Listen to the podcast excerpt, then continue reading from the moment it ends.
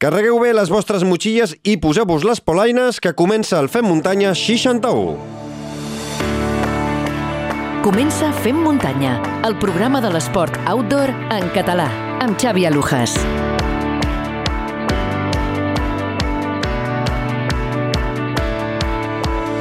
Benvingudes i benvinguts, eh, fem muntanyeres i fem muntanyeros a un nou capítol del Fem Muntanya. Moltes gràcies per haver-nos triat, tant si és la primera vegada com si ho feu habitualment. Amb el d'avui sumem 61 eh, programes i el d'avui, atenció, serà el més especial que hem fet i que hem gravat fins al dia d'avui. És el primer programa que no publiquem eh, un dijous, com eh, és habitual, i a més serà un programa dedicat a la solidaritat i a l'ultradistància. Durant els propers minuts parlarem de la Marató de Sables que es durà a terme entre el 25 de març i el 4 eh, d'abril. Coneixerem a fons la prova de la mà de l'Olivier Sepulcre, que és eh, codirector de la prova, i coneixerem la vessant solidària.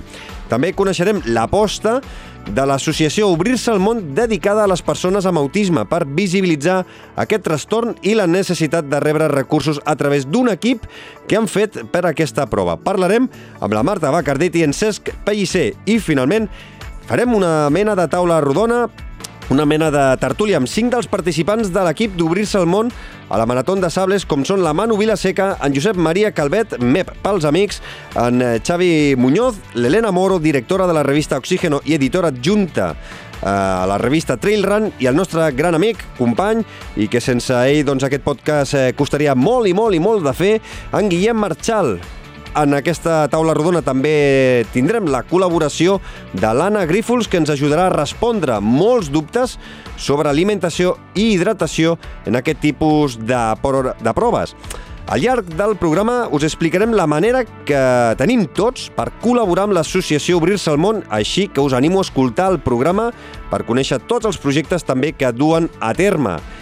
I també us he de recordar que teniu la possibilitat de subscriure-us a qualsevol plataforma de podcasting per eh, no perdre-us cap programa més i si a més voleu donar un valor al podcast i, us, eh, i ens voleu ajudar, us animem a que hi col·laboreu amb el manteniment i ho podeu fer fent-vos subscriptors premium a través de l'enllaç que us deixo a les notes del podcast. Per només 1 a 99 euros ens ajudareu a que us puguem continuar oferint un podcast de qualitat. I ja sabeu que eh, ens podeu buscar i trobar a les nostres xarxes socials. A Twitter i a Instagram ens trobareu com arroba femmuntanya.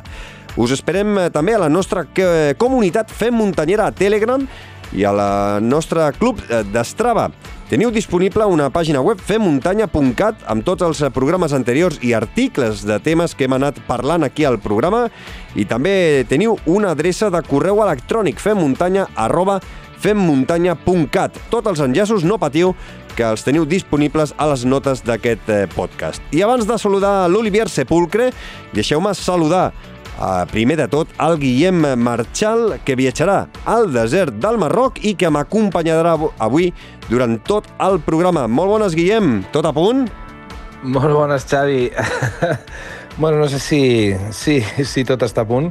Uh, considero i espero que no, uh, però el que sí que està a punt són, són les ganes uh, que tinc d'anar-hi, d'involucrar-me en tota aquesta història, de, de viure l'experiència i sobretot d'ajudar en tot el que pugui a, a l'associació Obrir-se al món i per tant també necessito i vull agrair-te a tu eh, que, que t'hagis prestat a fer aquest programa especial eh, i tot el que estàs fent també per ajudar en aquesta associació. Eh, sense tu no seria possible que jo hi anés. Bueno, ja, ja en parlarem, tampoc... ja, en, ja en parlarem d'això d'aquí una estoneta. I per això jo vull, vull, vull, que, vull que en siguis conscient de, de l'agraïment que, que tenim a tota la gent d'Obrir-se al món i, i, jo, i jo personalment. Doncs eh, fer aquest eh, podcast eh, està sent eh, tot un plaer. A més a més, doncs, eh, ja veuràs com anirem coneixent gent eh, i tu gaudiràs eh, molt eh, d'aquesta experiència inolvidable com és la Marató de Sables. Ja veurem si és només la primera i única vegada que hi vas o repetiràs eh, en un futur. Ja m'ho explicaràs quan tornis. Això no pateixis si repeteixo, que, que anirem parlant. Eh, si repeteixo, et garanteixo que serà amb tu al costat. Vull dir que d'aquesta ja no te'n salves. De la segona ja no te'n salves. Ara, ara em passa passes la pilota a la meva taulada, eh? Me la pots tornar, eh? Sí. ja en parlarem, ja en parlarem. doncs vinga, va, que ho tenim tot eh, a punt, ens espera ja l'Olivier Sepulcre, així que, si et sembla, Guillem, engiguem les sabatilles, ens posem les polaines, ens embadurnem de crema solar i sortim avui, també, com sempre, fem muntanya, però sobretot, direcció al desert del Marroc. Doncs eh, ja podem saludar el eh, primer convidat en aquest especial Marató de Sables, a un dels principals eh, responsables de l'èxit d'aquesta prova i l'enllaç directe eh, de tots els corredors catalans, espanyols i francesos per formar part d'aquesta mítica cursa. I és l'Olivier Sepulcre. Bienvenido, Olivier. Bienvenido a vosotros. eh, muchas gracias eh, por estar hoy con, con nosotros. Eh, del 25 de, de març al 4 d'abril d'aquest 2022 es corre aquesta edició 36 de la Maratón de Sables. Eh, primero, Olivier, déjame que te pregunte por cuál es el secreto de esta prueba para que lleve tantos años celebrándose con un éxito rotundo de, de participación. Yo creo que el secreto es, es, primero, que es una prueba auténtica, eh, en el cual cada uno no va solo a hacer una prueba, se va a hacer sus aventuras. So, como su aventura es su expedición, se va a preparar todos los competidores que vienen a la maratón de sable, durante meses van a preparar la mochila, qué comida voy a tomar, qué ropa voy a llevar. So, no es solo una carrera, hay toda una preparación tanto de, de material que mental por estas pruebas. Y este lo hace muy diferente del resto. ¿Y cómo nace Maratón de Sables? ¿Cuál es la, la, la, la historia inicial de esta gran prueba? La historia inicial es Patrick que, que, un día en su vida dice, mira, si yo consigo uh, de, de, hacer tal cosa en mi vida, cruzaré el desierto andando. Y todo el mundo dice, ah, estás loco. Y se fue um, con una mochila que pesaba 18 kilos, con su hermano y un de sus mejores amigos que se llama Thierry, que uh, se fue a cruzar el desierto de Algeria hasta Tombuctú. Y le habían llegado solo uh, a la 50 kilómetros, creo, le habían llegado un bidón en el cual había agua y había cosas de este estilo. Y él se fue cruzando el desierto. Y a la vuelta comentó su aventura, todo lo que le pasó, todas las alucinación que ha tenido en el desierto y la gente ha dicho, me, eh, yo quería venir contigo porque no me has avisado. Y como ha habido tanta gente que le ha dicho, mira, yo quiero venir contigo, ha dicho, mira, voy a montar dos años más tarde, monto la maratón de SAP con 24 competidores. Uh -huh. y, y, de estas... Y de, esta... Sí, sí, y desde hace 36 años. Uh -huh. y, y, en estas 36 ediciones, en estos 36 años, eh, ha podido doncs, haber eh, de todo, pero podrías no sé, decirme cuál es la mejor experiencia y, y también la peor de, de, las que has vivido en estos 36 años. Bueno, yo, yo, voy a la Maratón de Sable desde la edición 12, so hace, y estamos a 36, o hace 24 años. Um, la peor fue el año pasado con el, con el, el competidor que, que, que fallecía, um, porque habíamos puesto todos los medios posibles imaginables y es algo en nuestra cabeza que normalmente cuando te inscribes a la maratón de sable es, es porque nosotros pues, habíamos puesto todos los medios posibles por la seguridad de que tú vuelves entero a casa. Y este por nosotros es, es un drama. La más bonita, yo te voy a contar, es una, una aventura que me pasó da, en la etapa non-stop. Yo estaba en equipo con 10 amigos, o 10 compañeros de trabajo, y yo decido de, de avanzar la noche. La etapa non-stop es una etapa alrededor de 80 kilómetros. Tú es obligado a llegar a un tal hora al, al, al checkpoint 4, que es el, más o menos el kilómetro 40, y los compañeros decidieron de sentarse, hacer la comida, el fuego, dormir una hora. Y he dicho, no, no, yo me voy. Y andando una noche, eh, me encuentro con un americano y empezamos a charlar. Y descubro después de charlar media hora con él que este señor estaba mi banquero y que hablábamos cada semana por teléfono, pero sin nunca habíamos hablado de la maratón de sable y nunca habíamos pensado que nos encontraríamos en el, en el desierto. Este por mí fue un, un flash diciendo, mira, es, estaba trabajando por una multinacional, encontrar el, el, el capo de, de Citibank de, del Middle East, eh, no me imaginaba que le encontrara una noche en el desierto haciendo un maratón de sable. Uh -huh. eh, Olivier, uno de los objetivos de la Maratón de Sables es dotar de recursos económicos y materiales a los pueblos por los que pasáis. Eh, cuéntanos eh, en qué se define la visión solidaria de, de, la prueba, que también es importante que la gente bueno, lo hay, sepa. Hay dos visiones solidarias. Hay una primera visión, es que Patrick ha intentado siempre aportar algo a los pocos pueblos que pasamos, si podemos llamar pueblos, los llamaríamos aldeas. Um, la primera cosa estaba de equipar los pozos solar de placa, los pozos de agua de placa solar, porque si no hay agua no hay vida.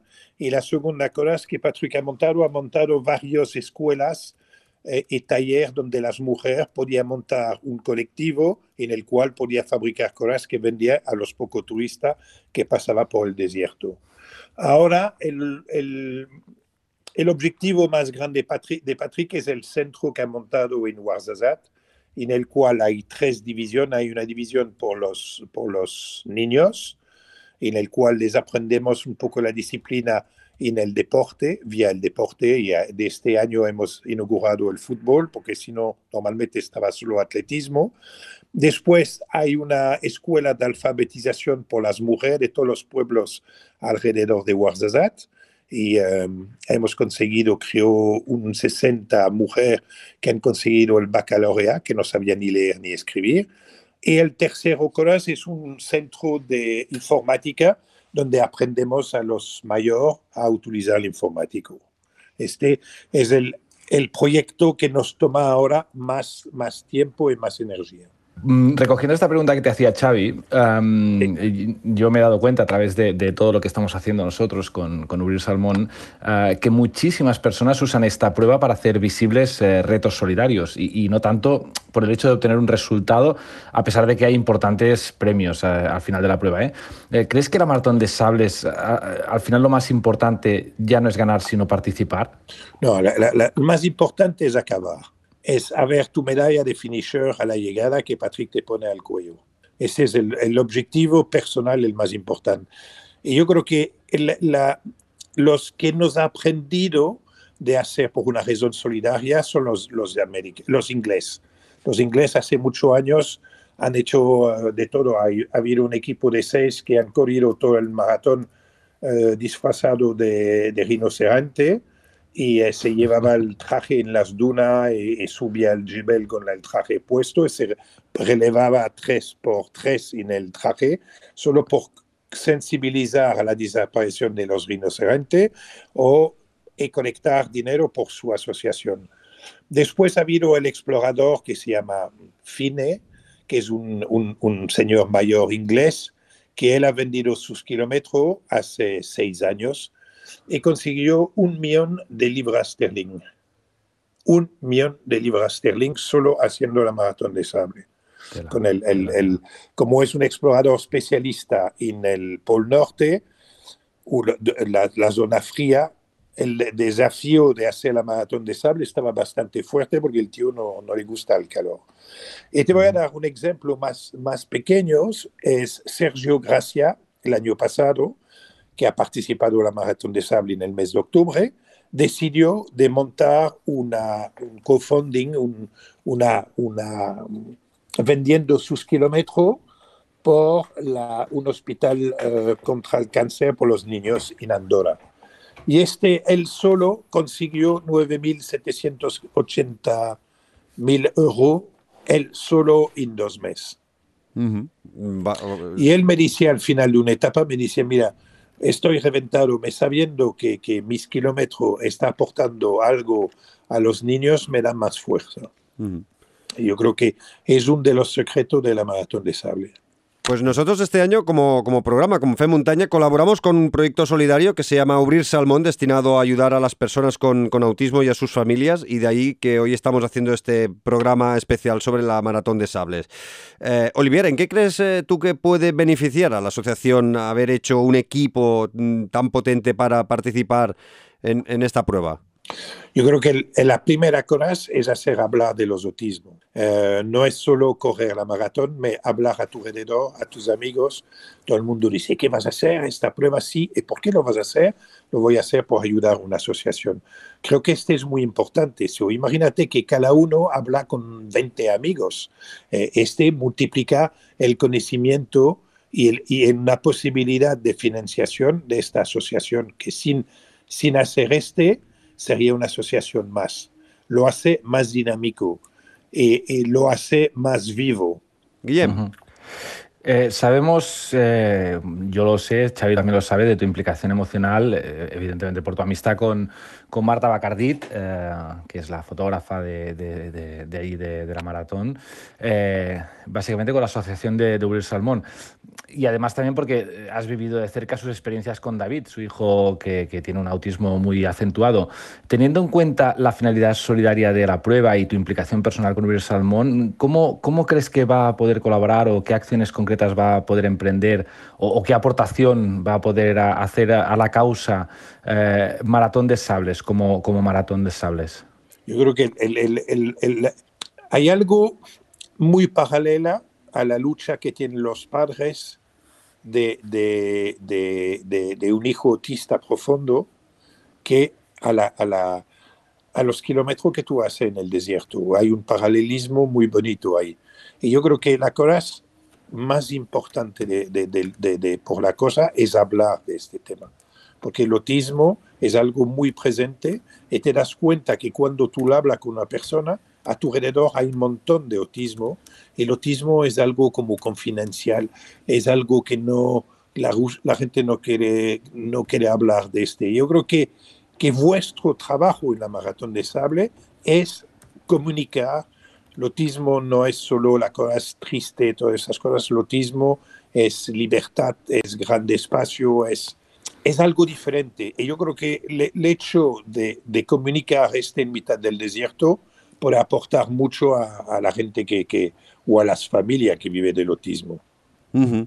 Olivier Sepulcre, eh, muchísimas, muchísimas gracias por habernos acompañado en esta edición en, eh, especial del FEM Montaña eh, y por habernos acercado un poco más a esta mítica prueba que cruza el desierto del Sahara y que tantos adeptos tiene en nuestro país y que me parece que hay muy poca gente que la haya hecho una vez y no haya repetido posteriormente. Por, algo, algo tendrá. Y me parece que Guillem, este que año, es, este año Guillem se estrena, ¿no? Este, Guillem este año se estrena y me parece que repetirá, ¿eh? Todo el mundo repite una vez en su vida.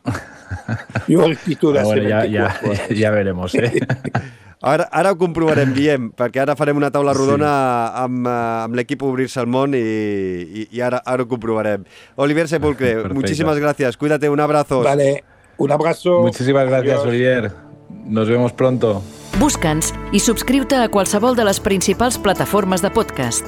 Spotify, Apple Podcast, iVox, Google Podcast i moltes més. Ens fa molta il·lusió poder parlar amb el president de l'Associació d'Obrir-se al Món, en Cesc Pellicer, i amb la Marta Bacardit, amb la que ja vam parlar en el passat programa 52. Tots dos són els pares del David, un jove de 27 anys amb autisme que va ser la inspiració per crear ara fa 12 anys l'associació. Cesc Pellicer i Marta Bacardit, benvinguts al Fem Muntanya. Hola. Hola, què tal? Moltes gràcies, Xavi i Guillem.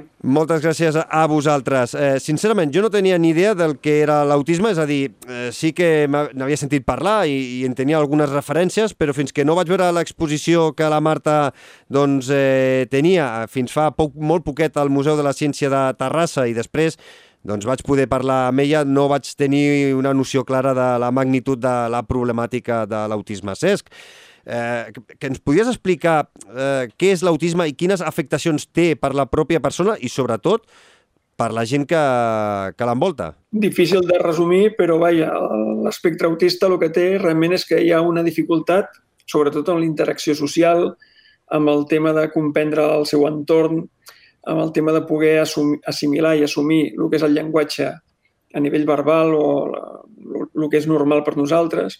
I finalment el que fa és que tenen dificultats, diguem, de comprendre, de, de poder transitar dintre d'una situació amb la que se senten com si fossin bueno, extraterrestres. Vull dir, són una persona que té dificultats per entendre moltes de les coses que passen, de les situacions que nosaltres ho veiem com normal. Llavors, és això, interacció social, dificultats sobretot bueno, de, de les rutines, es posen doncs, super nerviosos o molt ansiosos sobretot amb les esperes, hi han rebequeries, hi han coses que, que, bueno, que ells els hi, ho senten com a, com a una cosa molt greu i, la gent ho veiem des de fora com pensant, bueno, doncs és mal educat.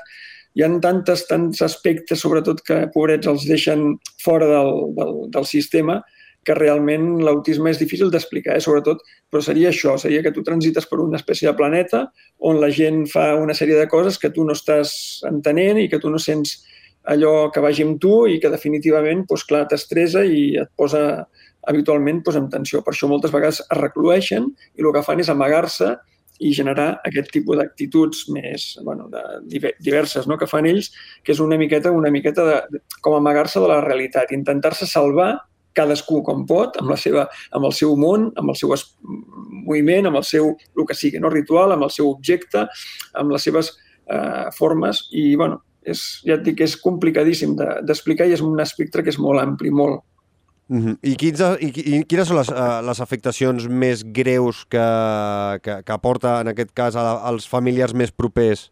Sobretot és l'actitud. O sigui, tu tens al costat una persona que realment, eh, un nen, eh, després, bueno, un, un adolescent i després, evidentment, un adult, que fa un comportament i unes coses, el que sigui, eh, una situació, que tu no acabes de comprendre.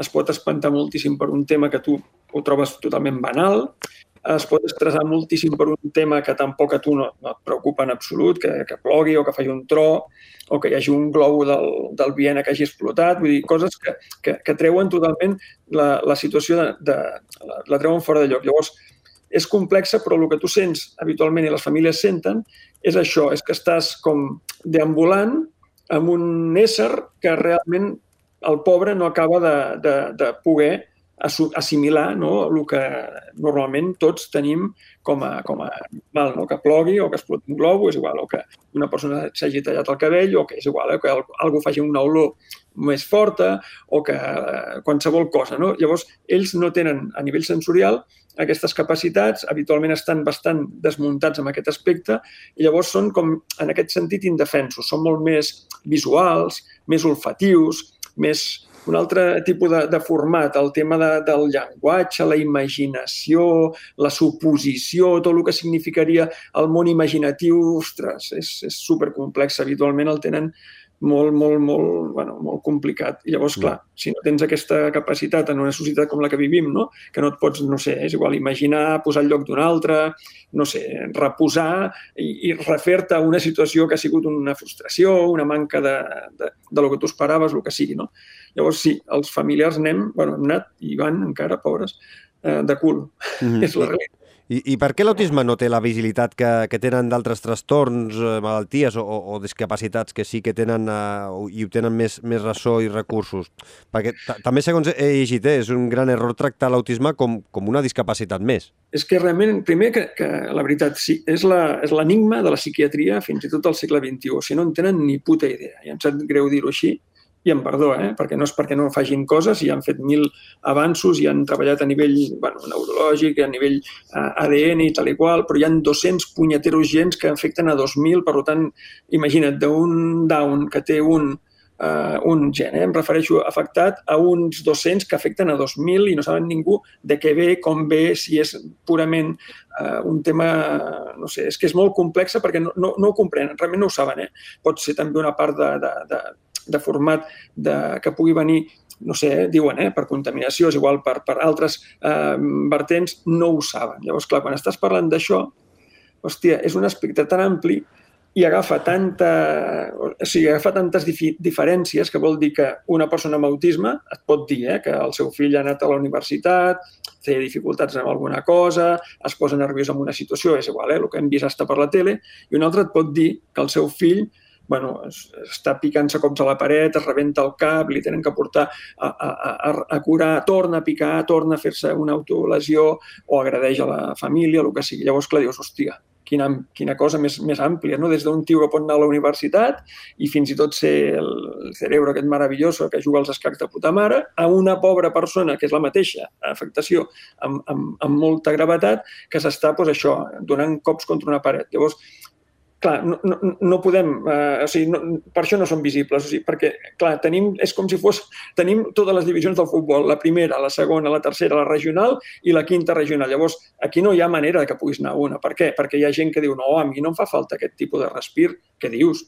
Uh, jo no, un casal d'estiu, no, i el meu fill va al col·le ordinari amb una miqueta de suports i ja està, perfecte, encantat de la vida. Sí, per això et dic. Però clar, no lluitem per lo mateix, no anem a una, hi ha els que tenen aquesta, l'afectació més, eh, més greu, que sí necessiten d'un casal més particular, que ens fa falta el respir, etc. Llavors, clar, imagina't tu com ho lliguem tot no, hi ha, no, no estem a una, perquè, perquè no anem a una, primera perquè és que és molt difícil que ens posessin d'acord. Ara, si tinguéssim segmentacions diferents, és igual, eh? primera, segona, tercera divisió, el que sigui, sí que podríem fer una cosa, no? Pues anem a fer la Champions, o anem a fer la no sé què, o fem la Copa de no sé quantos. Podríem organitzar-nos amb algun tipus de format que poguéssim anar a una i amb administracions, etc demanar. Però clar, què fem? Cadascú, nosaltres en aquest cas, Obrir-se al món, amb l'autisme amb més gravetat, per tant, amb més afectació, doncs anem a l'administració i els demanem una sèrie de coses, però després van una altra associació, amb tota la, que té tot el dret del món de fer-ho,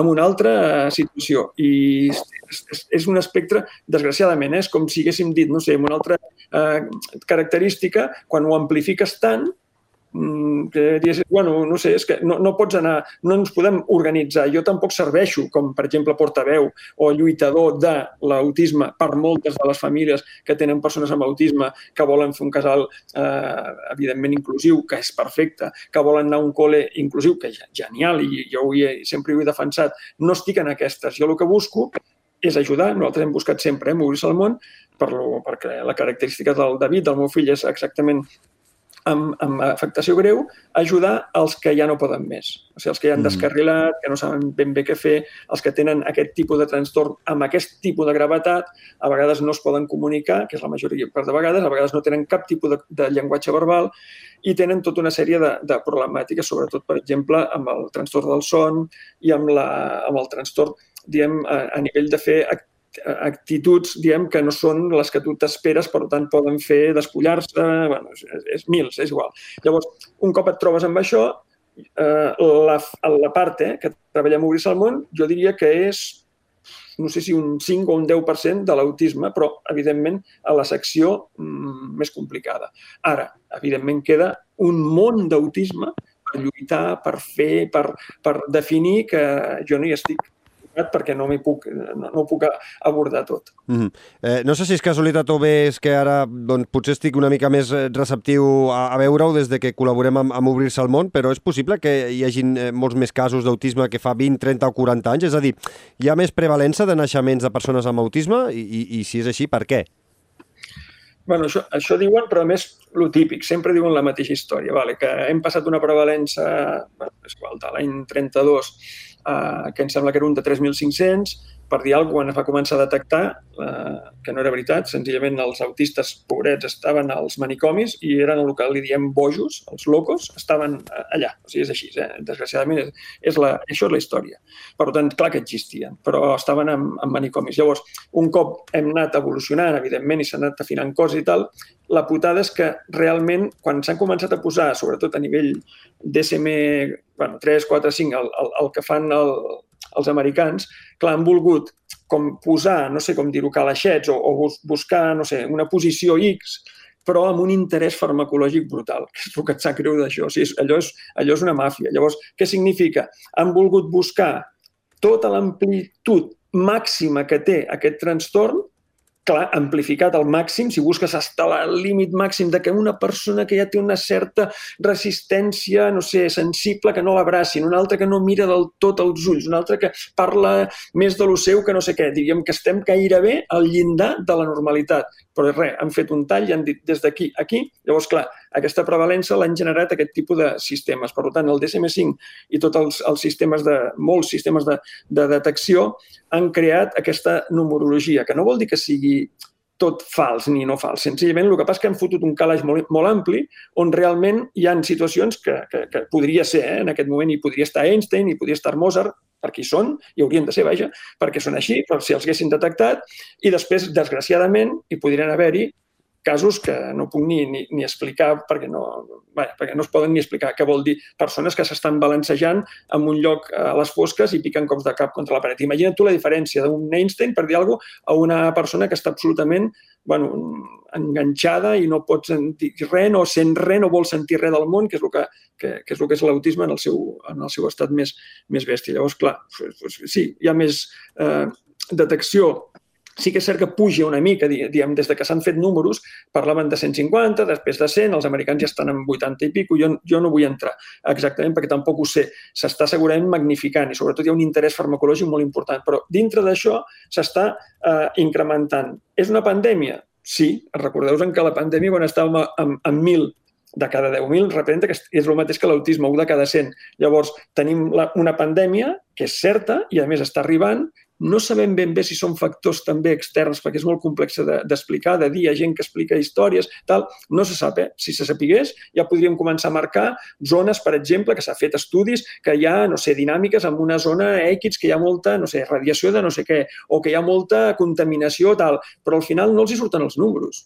perquè a vegades Japó dona xifres d'autisme altíssimes, hi ha zones de... O sigui, no, no, no, no acaba de lligar. Si ningú sabem què està passant. Sí que és cert que hi deu haver-hi un tema genètic molt important que s'està cada vegada eh, i s'acabarà d'enganxar, vull dir, eh, només falten temps i, i màquines i, i números per fer-ho, però hi ha un altre factor que és de fora. O sigui, hi ha alguna que està també provocant segurament aquesta, aquesta d'allò. Segurament també està provocant molt del tema del trastorn de, de, de dèficit d'atenció i possiblement alguna altra cosa eh, que, que també existeix, que no sé exactament si es podria posar el mateix eh, calaix. Llavors, jo crec que sí que la contaminació eh, per lo que més s'han fet estudis molt importants a Barcelona amb escoles i tal i qual, s'han donat compte de que hi ha una certa alteració d'una sèrie de coses que poden significar realment això. I també segurament en mares que estan embarassades, eh, que estan en zones, doncs, no sé, és igual, molt contaminades, algun dia es podrà saber. Ara, en aquest moment, tots són mm, parlar per, per, per, per parlar, però no, no ho tenim clar. El que sí que és cert és que s'està disparant.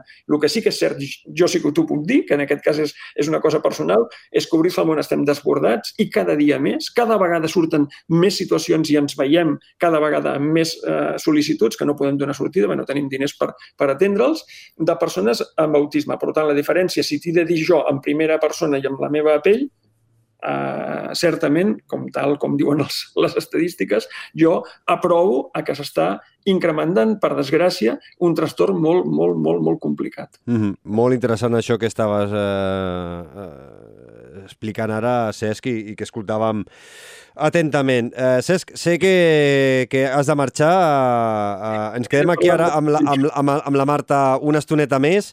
Eh, ens veiem eh, i estarem eh, doncs, eh, col·laborant amb Obrir-se el món des, de, des del Fem Muntanya. Moltes gràcies, Cesc Pellicer, eh, president de l'associació Obrir-se el món. Cuida't, una gràcies. abraçada. Doncs ens quedem amb la Marta Bacardit. Eh, a veure, Marta, eh, el hashtag que feu servir a cada publicació que feu és ajuda'ns a respirar. Eh, per què aquest eh, hashtag? Què és el que preteneu visibilitzar amb aquesta etiqueta? que volem visibilitzar, ajuda'ns a respirar. Uh, amb la paraula respir, moltíssima gent ens pregunta què és el que significa, perquè es queda en dir, què voleu dir respirar? Respirar.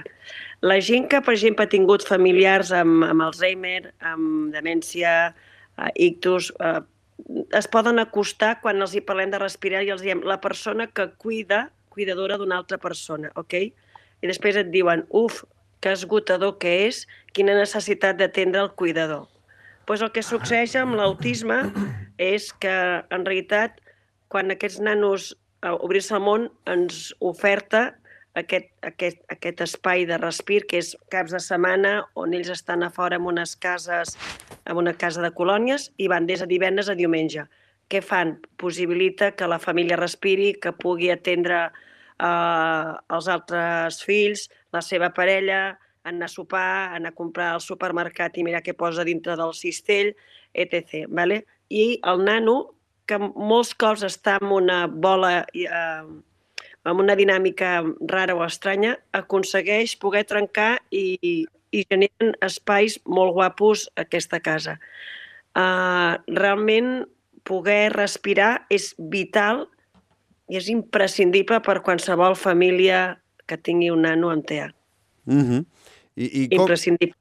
i, i, com, i, Marta, i, co- i com és que heu decidit eh, fer un equip per la Marató de, de Sables? És a dir, que, que, quin retorn mm, penseu que, que us ajudarà i que, en, en, a l'associació? Uh, primera, fer visible l'autisme, uh, l'estigma de, bueno, clàssic de, de l'autisme, que, bueno, que penso que en moment ja, ja l'estem modificant.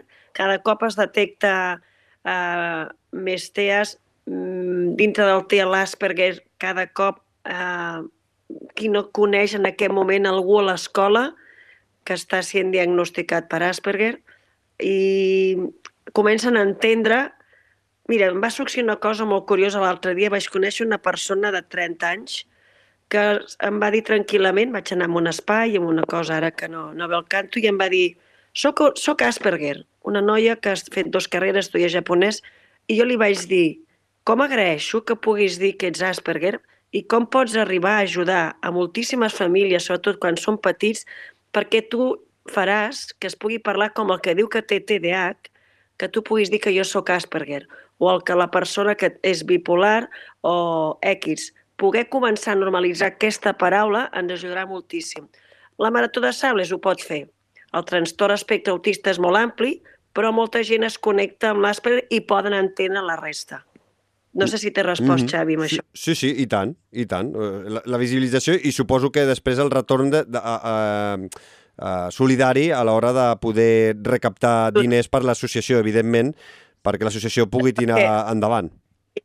Jo li explicava amb el Guillem mm, un, un dia que una de les coses, per, una de les, del format que per la que el David en aquest moment està a la residència, eh, ho he explicat diverses vegades i, ho- i ho he escrit, eh, està la supervivència. La supervivència per, perquè jo no acabés tenint un trastorn mental i poder atendre el David, per poder atendre els meus altres fills, per poder-me atendre, per poder cuidar-me, per poder cuidar, d'acord?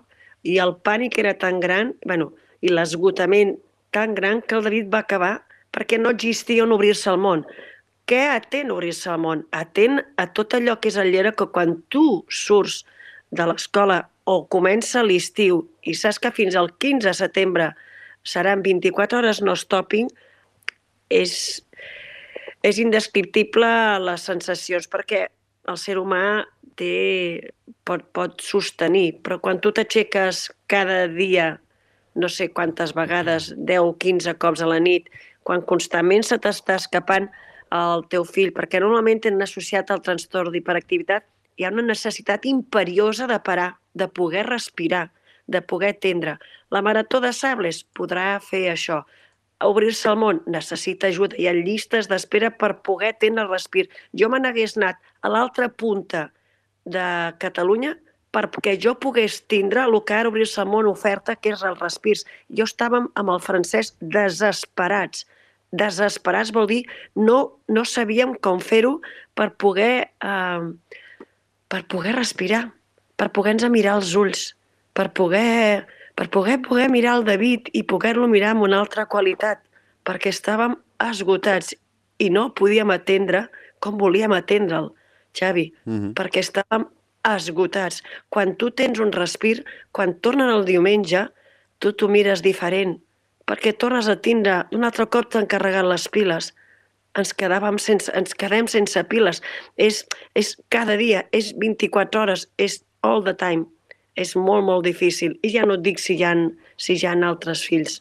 La sensació de, de, no, de buidor, de no poder atendre, de, de solitud. Hi ha, molt, hi ha molts sentiments que es barregen mm. i que encara, que encara es tenen, eh? Perquè no pots fer trenat amb els altres fills, no, no, no pots generar seqüències vitals al seu creixement, perquè no hi pot ser-hi, perquè només són instants, i això és injust.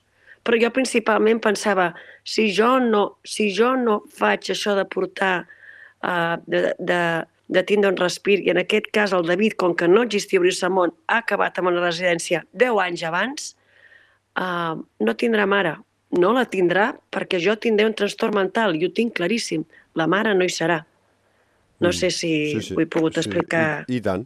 I tant. La, la, la, la veritat és que eh, eh, ho expliques de forma que, que fas que, que ens, ens hi posem a, a, a la pell, eh? I això que és gairebé, vam... gairebé impossible perquè només ho, ho sabeu sí. vosaltres, en aquest cas el Francesc i tu, i, i, i evidentment doncs, totes les eh, famílies que ens es puguin escoltar ara mateix que tinguin doncs, un familiar proper, sigui un fill, sigui una parella, sigui doncs, que, que tingui autisme.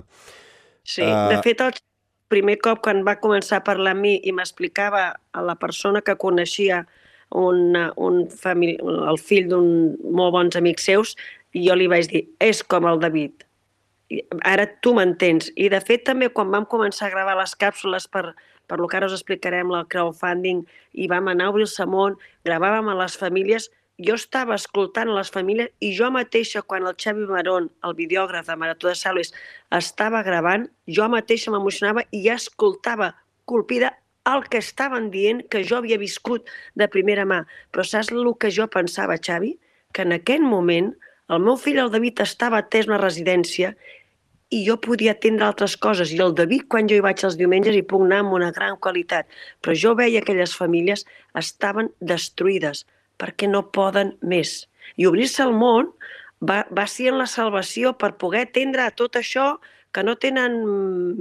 Mm, és l'única cosa que poden donar-se aire doncs això, el dia a dia, les extraescolars, aquests campaments, aquestes cases de colònies, i quan vam anar, i quan vam anar amb el Guillem i el Xavi Barón i vam viure el que és les cases de colònies que van a l'estiu, jo, jo estava flipant, diré, vull dir, estava pensant, ole tu, ole tu el que s'ha aconseguit amb obrir-se món. Jo encara no hi havia estat.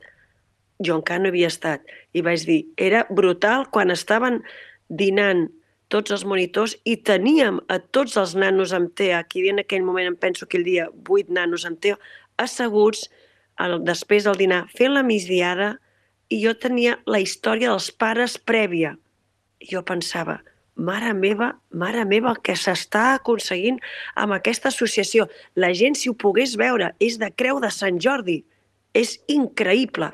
I, de fet, va fluir després una conversa amb les monitores i amb les psicòlogues que tenen aquests nanos al respirs i era espectacular. La sinergia, el bon rotllo, l'energia, com a tota una fluïa.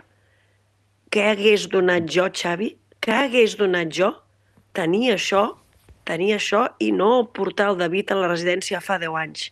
El David ara en té 27, jo ho vaig fer als 17. No vaig poder més, no vam poder més, no podíem, no podíem resistir-ho més, moríem. Jo tenia clar que jo acabaria tindre un càncer o alguna cosa. Era, és supervivència. Bueno, Marta, um, una cosa sí que podem dir és que Uh, la gent, um, això que està explicant, per una banda, uh, Xavi, te n'adones que parlant amb la Marta, um, uh, tens la necessitat imperiosa de sortir a córrer a aquests quilòmetres, sortir a córrer per la Marató de Sales per ajudar en tot el que puguis. I no? Eh, la història, la història és, és colpidora i, i, i com te l'explica ella i de la manera que ella és, que, que, que és així doncs, alegre, expansiva i tal, i que arribi a aquest punt, és algo que, que, que directament agafa i et diu no, o sigui, vaig ja, vull dir, no, no, no m'ho penso, ho faig, no? I d'altra banda també, eh, eh, per reforçar el que deia la Marta, és que, és que tindrem la sort, oi Marta, de que, de que mm, a, la, a, la landing, a la landing page on, on, on sí. la gent podrà, podrà fer les accions de, de, de venda, o sigui, de compra de, dels quilòmetres, que ara t'explicaré què és, um, uh, hi haurà un vídeo en el qual aquestes imatges, aquest, aquests vídeos uh, d'aquests familiars, aquest vídeo de, de les educadores, aquest vídeo de bueno, de, de, de diferents coses que van succeir aquell cap de setmana, que va ser com molt màgic, eh, estarà allà penjat. Per tant, tindran un tastet d'això que els està explicant, que els està explicant la Marta. Exacte, gràcies, sí. Ho has explicat molt bé, Guillem, sí. Jo és que eh, amb l'emoció d'explicar-ho tot se'm barregen molts conceptes. Ho has aclarit molt bé, sí, exactament. Es podrà veure la landing. Bueno, bàsicament, eh, sí, podem, podem, podem explicar, no? El, Hem de dir que el, el Guillem que... està molt, molt, molt, molt involucrat, no només a l'hora de, de fer l'equip i, i anar a córrer al Marroc, sinó que el Guillem eh, porta molts mesos eh, treballant amb la Marta, amb el Cesc, eh, amb el Xavi, eh, que parlem d'aquí una estoneta també a la, a la tertúlia, uh, i, i que ha, ha fet una feina espectacular per poder tirar endavant uh, aquest equip uh, i perquè aquest equip pugui arribar a la Marató de Sables. Eh? Puc dir una cosa, Xavi? Sense el Guillem no hagués estat possible el que s'ha aconseguit. No, no... I això, eh, tu, Xavi... He, he, pogut, he, estat, he estat molt en contacte amb ell, bueno, estem molt en contacte molt sovint, molt sovint, i, i, i sóc conscient de la, de la d'hores que, que ha invertit eh, per obrir-se al món, Uh, i, I, de fet, eh, el, el programa d'avui és, és, és possible gràcies a les hores invertides pel, pel Guillem. Eh? Jo només estic eh, movent quatre fils per, per, per poder gravar i poder doncs, que, bueno. enregistrar i pujar el podcast, però po poder reunir a, a l'Olivier, al Cesc, a tu i la tertúlia que farem d'aquí una estoneta, eh, doncs és gràcies a la feina que, que ha fet el, el Guillem. Eh? Bueno, això és un tatu les, al cor. I les que ens queden, oi? I les que ens queden. Queden. És un tatu. Ja ho sap. Sí, sí. Digues, Guillem, sí, va, sí. Com, com podem col·laborar amb Obrir-se al món? Com, com, com funciona el tema de poder comprar aquests quilòmetres que estem parlant i que és la forma en la qual eh, tothom que ens està escoltant ara mateix pot col·laborar econòmicament amb Obrir-se al món? Veiem, bàsicament, eh, el que hem fet és que si som 9 persones a l'equip, doncs hem, hem fet els aproximadament 250 quilòmetres que cada persona haurà de recórrer i els venem tots.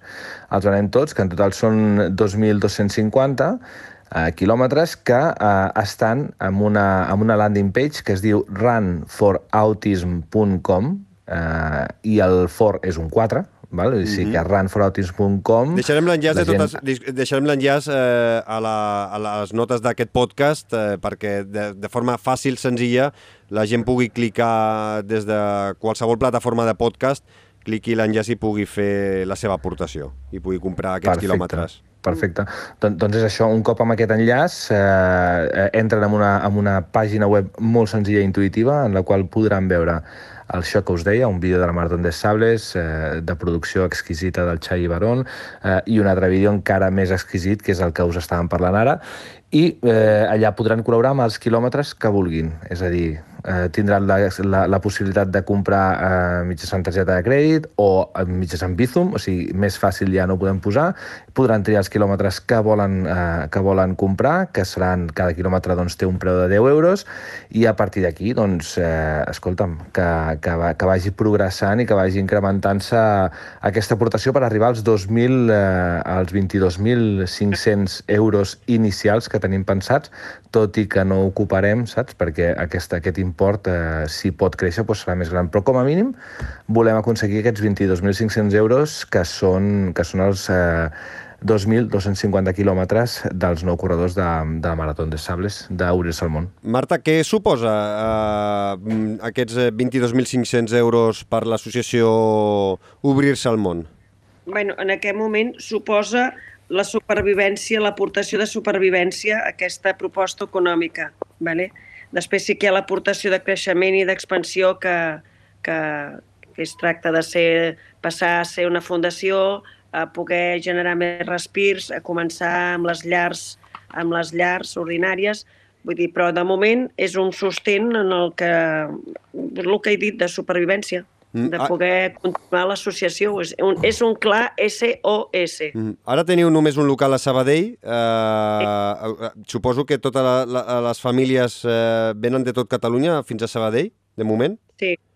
Eh, el que passa que a mi molts cops em diuen gent que està a Lleida o que està a altres espais que com ho poden fer per poder, per poder ser atesos. Que la dificultat és de la gent que és de, de fora, on, poden, on sí que després volen, volen ser incorporades és els respirs, els casals, els campaments, però és que això hi ha llista d'espera, mm -hmm. perquè de, estan atenent tot el que és el Vallès i és que no hi ha més oportunitat doncs perquè no hi ha més possibilitat. Suposo que, la idea, la, suposo que la idea és poder fer més casals i, i més centres a, repartits arreu de Catalunya, no? Exacte, sí, sí.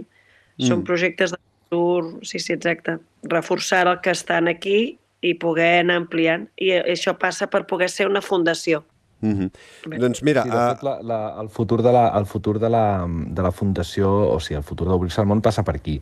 Passa perquè mm. mm ara mateix estan demanant, o s'està demanant un SOS perquè, diguem, la realitat que és, eh, o que té una associació és molt complicat perquè viu al dia, sincerament, viu al dia. Al final no tenen ànim de lucre, eh, no tenen expectatives de creixement, no tenen expectatives de, de, de beneficis, evidentment ni de repartir de dividends, perquè no tenen ànim de lucre. Eh, per tant, diguem que depenen molt de recursos eh, que són eh, recursos públics, no? i aquests recursos públics pues, eh, pot arribar una pandèmia i te, se te'n van eh, a Campistraus i ja eh, no obtens el que esperaves, per tant, els teus recursos baixen i les teves possibilitats d'oferir eh, el que realment és important, activitats, respirs, etc etc als, als, a, a les persones amb autisme, també disminueix.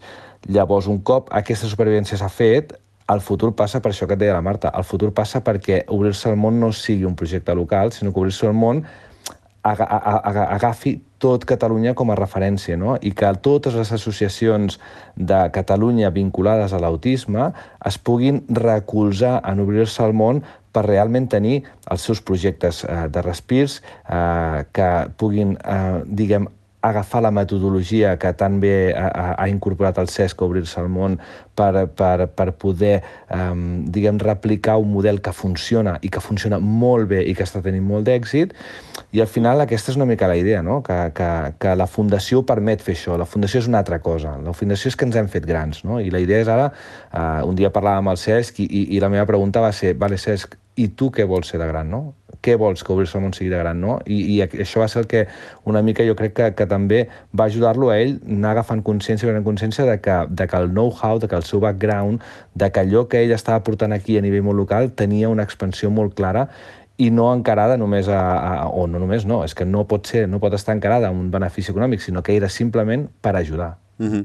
Doncs mira, ara eh, he de fer públic eh, que tots els euros que s'han acumulat eh, gràcies a les subscripcions Premium des del mes de novembre que vam començar fins a dia d'avui, doncs eh, serviran per comprar quilòmetres i en total doncs, des del novembre fins ara, gràcies a, a avui en dia hi ha 39 subscriptors Premium, eh, que cada mes aporten 1,99 euro pel podcast, doncs eh, s'han acumulat 220 euros que aniran tots íntegrament per comprar quilòmetres i que aniran, evidentment, directament a, per l'associació Obrir-se al món. Així que també doncs, eh, és, és, és la, la, la forma que tenim eh, des d'aquest eh, doncs, eh, humil i modest eh, podcast doncs, de col·laborar amb l'associació i comprant aquests eh, quilòmetres i que animem a que tots els que ens esteu escoltant ara mateix doncs entreu a la web eh, runforautism.com eh, recordeu fort amb, amb el número 4 i que compreu mm. tants quilòmetres com, com pugueu i que eh, de totes eh, i, i així de tots podrem eh, posar el nostre granet de sorra, que avui diria que s'escau. Molt, molt agraïda de tot cor, Xavi, i tant que sí, molt agraïda. Bueno, jo t'hauré de veure Xavi... algun moment la Mare Salves algun altre any, eh? Allò que... Eh, eh, et, et puc dir que eh, he estat eh, remenant fotografies i fotografies i fotografies de la web de la Maratón de Sables i et, et puc dir que eh, se m'han començat a posar els dent, les, les dentetes llargues. Vull dir, eh, mira que havia vist fotos, però eh, jo que eh, m'hi he capbussat a la web de la Maratón de Sables, m'hi he capbussat a mirar fotografies de, de les caimes, de l'ambient, de, de no, jo no era gaire de córrer pel desert i m'ha entrat ganetes de, de córrer. Evidentment, mm. córrer per aquesta causa hagués sigut eh, fantàstic i, i que em sembla a mi que quan el Guillem torni eh, serà molt més difícil resistir-se, eh? Tens moltes imatges en el meu Instagram amb el Marta Bacardí Fotografia. Allà tens molts inputs, molts, molts de, del que és. El que passa que molts cops amb el grup que tenim els hi n'he passat alguna, però tampoc no els hi n'he passat massa, perquè també és, és, és agradable trobar-se la sorpresa del que, del que et trobes de cop i volta i que ningú, tot i que hi ha moltíssima informació, no? Però sempre cada matí pensava, els hi passàs alguna imatge. Però res, he passat quatre cosetes perquè sigui bueno, el primer cop que ho descobreixen. Sí, sí, és, és, és, és, és espectacular. Escolta'm, doncs... Marta, Marta, escolta'm, que ets la segona persona a, a, en un breu espai de temps de 15 minuts que ja l'ha advertit el Xavi que, la, la, que li tocarà córrer a Marató de Sables i, i que, a més a més, eh, ja li ha fet saber que la meva Marató de Sables eh, serà la seva primera, vull dir que ja no tindrà cap excusa. Bueno, com a, que no, no serà, eh, o sigui, no serà eh, que vaig eh, doncs, sense saber on vaig. Eh, és a dir, mm, eh, gràcies a això, gràcies a que tu hi vas aquest any, doncs sí. Sí. com a mínim ja espero que, que em puguis donar un cop de mà en tots els dubtes que, que estàs tenint tu ara aquest any, eh, Guillem. I, I tant, i tant. Eh, Escolta'm, deixa'm dir una cosa, Xavi. Digues, va. Eh, eh, escolta'm, eh, del que hem parlat, això de, de, de la venda de quilòmetres, um, aquesta, aquesta pàgina té, un, té una caducitat, és a dir, és una pàgina que uh, evidentment estarà um, activa i present mentre estigui uh, durant la Marató de Sables, és a dir, des d'ara, des de ja mateix, des de que escolteu el programa, fins eh, que aquesta Marató de Sables eh, acabi i els protagonistes tornem a estar aquí, serà la vigència que tindrà la, la, la pàgina perquè és quan té sentit, eh? perquè estem fent aquest crowdfunding per això. Llavors eh, sí que mm, que no dubti la gent en col·laborar i que no dubti en ficar-se ara mateix. Vull dir, que no esperi, que miri la nota del programa, sinó que ho apunti i, i, i que vagi ara, que entri ara, vull dir, perquè és ara el moment. Mm -hmm. Doncs eh, queda dit i és important eh, aquest, aquesta acotació. Eh, Marta Bacardit, eh, moltes, moltes gràcies, que també viatges cap, a, cap al Marroc, així que disfruta de la feina, que, que és intensa, i són, seran dies intensos, gaudeix-ho des del teu punt de vista. Moltíssim tot el que esteu fent al Fem Muntanya.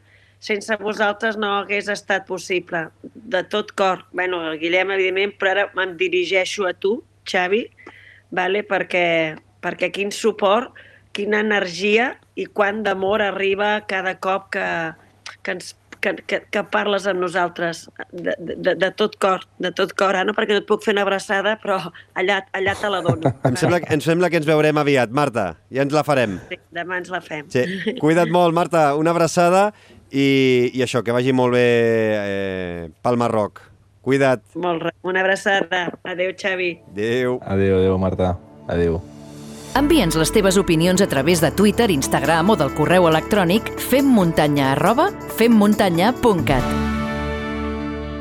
I acabarem aquest eh, especial Fem Muntanya amb una taula rodona, amb una mica de tertúlia amb eh, alguns dels membres de, de l'equip que, que representarà l'associació Obrir-se al món, com eh, per exemple, eh, donem la benvinguda a Elena Moro de la revista Oxígeno i de la revista Trail Run.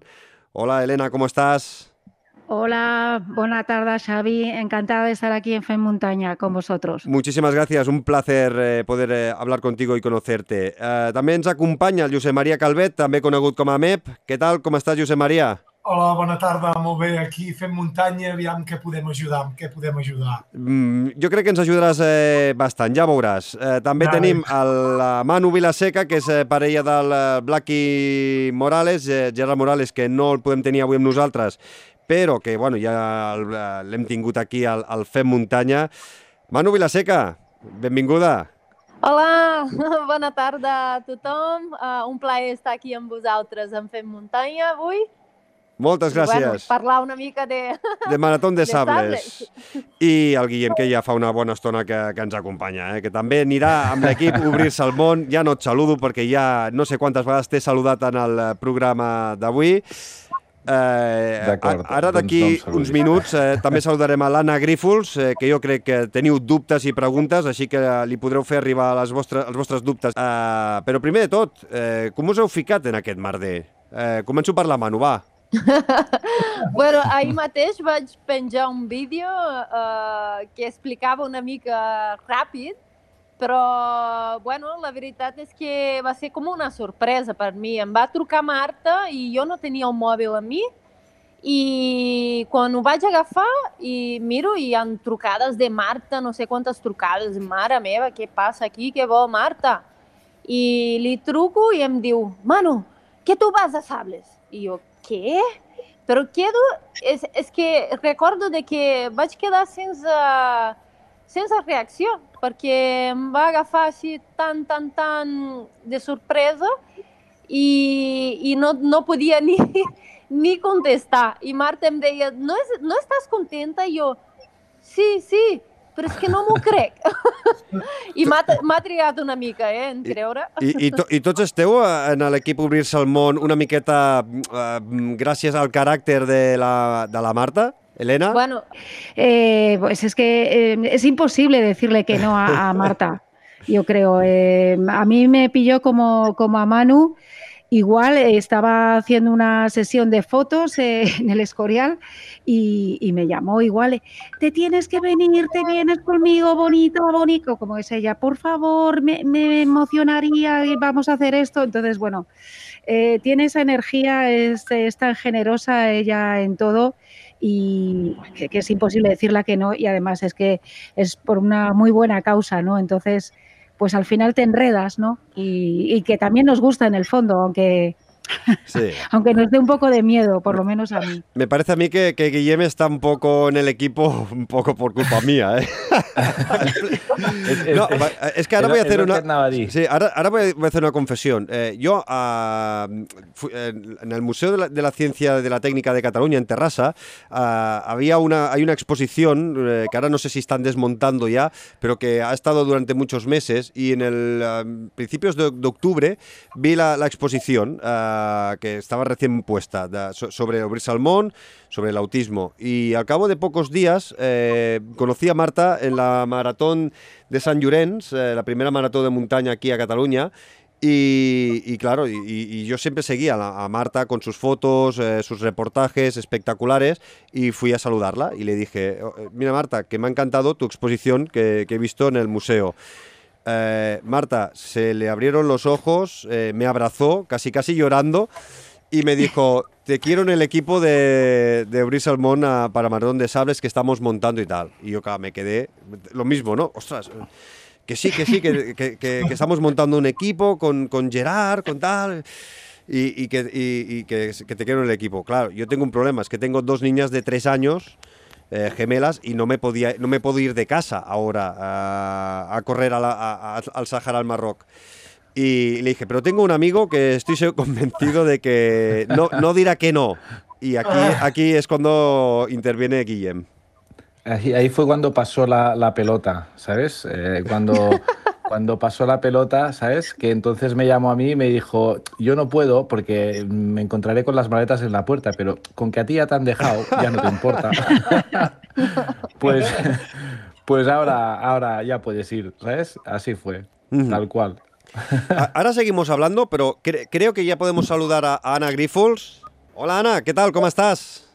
Hola, molt bona tarda, molt bé, molt bé. Sa- sa- Aquí escoltant-vos. Sa- Saludo ara a l'Anna Grífols eh, perquè també ha de marxar d'aquí pocs minuts i, i així també li podem fer arribar els dubtes sobre alimentació. Ja sabeu que l'Anna Grífols és nutricionista de Nutri, NutriExpert i és nutricionista d'un munt de, de corredors d'èlit, eh, entre ells Pau Capell i Anna Comet, eh, que també estarà a la Marató de Sables, per cert. Eh, Anna, primer de tot, eh, deixa'm preguntar-te si has eh, hagut de preparar mai una pauta alimentària per algun dels corredors o corredores que, que portes.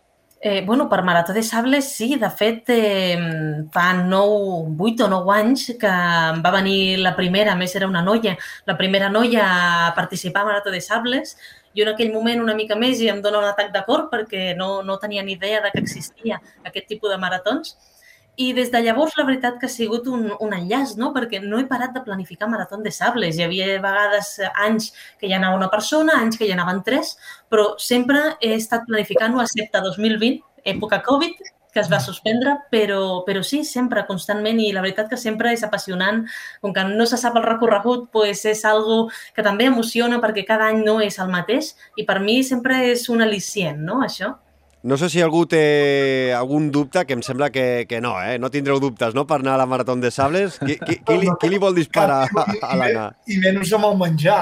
En tenim molts de dubtes, però bueno, ja ens ho trobarem quan estiguem allà una mica. Ara no som a temps tampoc a fer masses proves, però bé. Jo, jo, jo sí que li voldria preguntar a l'Anna, um, uh, perquè ens obliguen a portar uh, com, com 14.000 quilocalories i, i, i quan has de començar a fer la motxilla i et fas uh, uh, o sigui, un tetris mirant què agafo, què no agafo, uh, com puc eh, cobrir aquestes 14.000 calories que vindrien a ser unes, uh, al voltant d'unes 2.000 i pico diàries...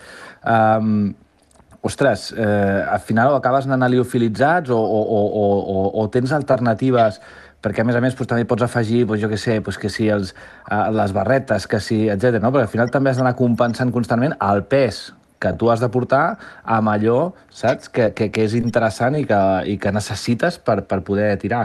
Eh, com organitzaries tu, per exemple, una etapa? Doncs mira, eh, dintre del complicat que és, vale, els liofilitzats, com tu has dit, ens donen moltíssim avantatge, perquè, clar, vulguis o no, treuen un pes d'hidratació que, que si no has de portar a sobre.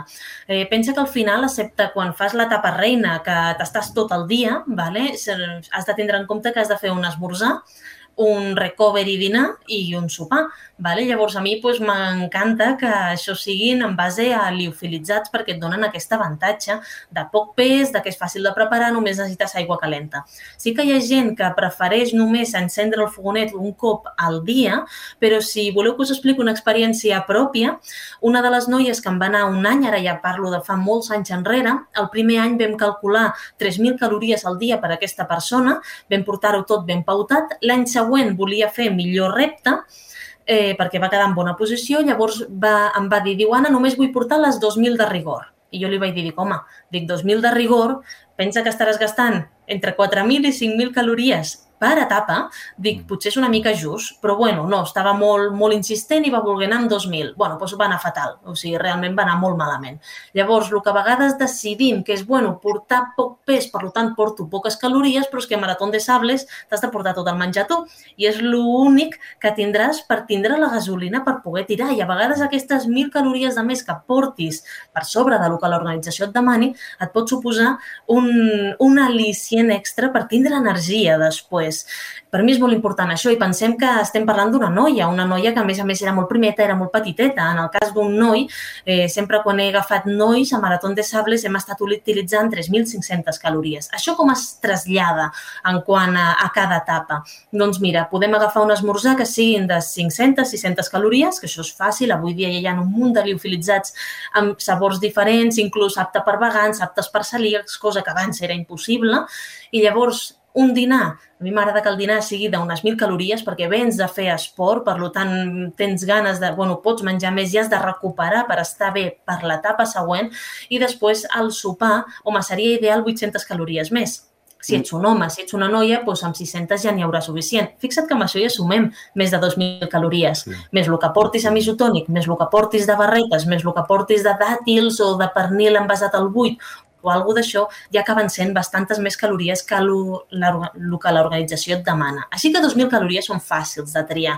El que jo diria a qui vulgui participar en un event així és que no es basi només, no es centri només en aquestes 2.000 de rigor, perquè si no acabarà fatigat i les últimes etapes ho passarà malament. Mm, eh, Anna, ara continuem preguntant-te cosetes sobre alimentació, però tenim eh, 4 o 5 minutets abans la Manu Vilaseca no, no marxi i tinc un parell de preguntes per fer-li, que després també us la faré a vosaltres, eh, Helena, Mep, eh, Guillem... Eh, Manu, eh, ja tens eh, tot el material a punt, eh, la motxilla carregada, i ja saps el pes que, que portaràs a sobre o no?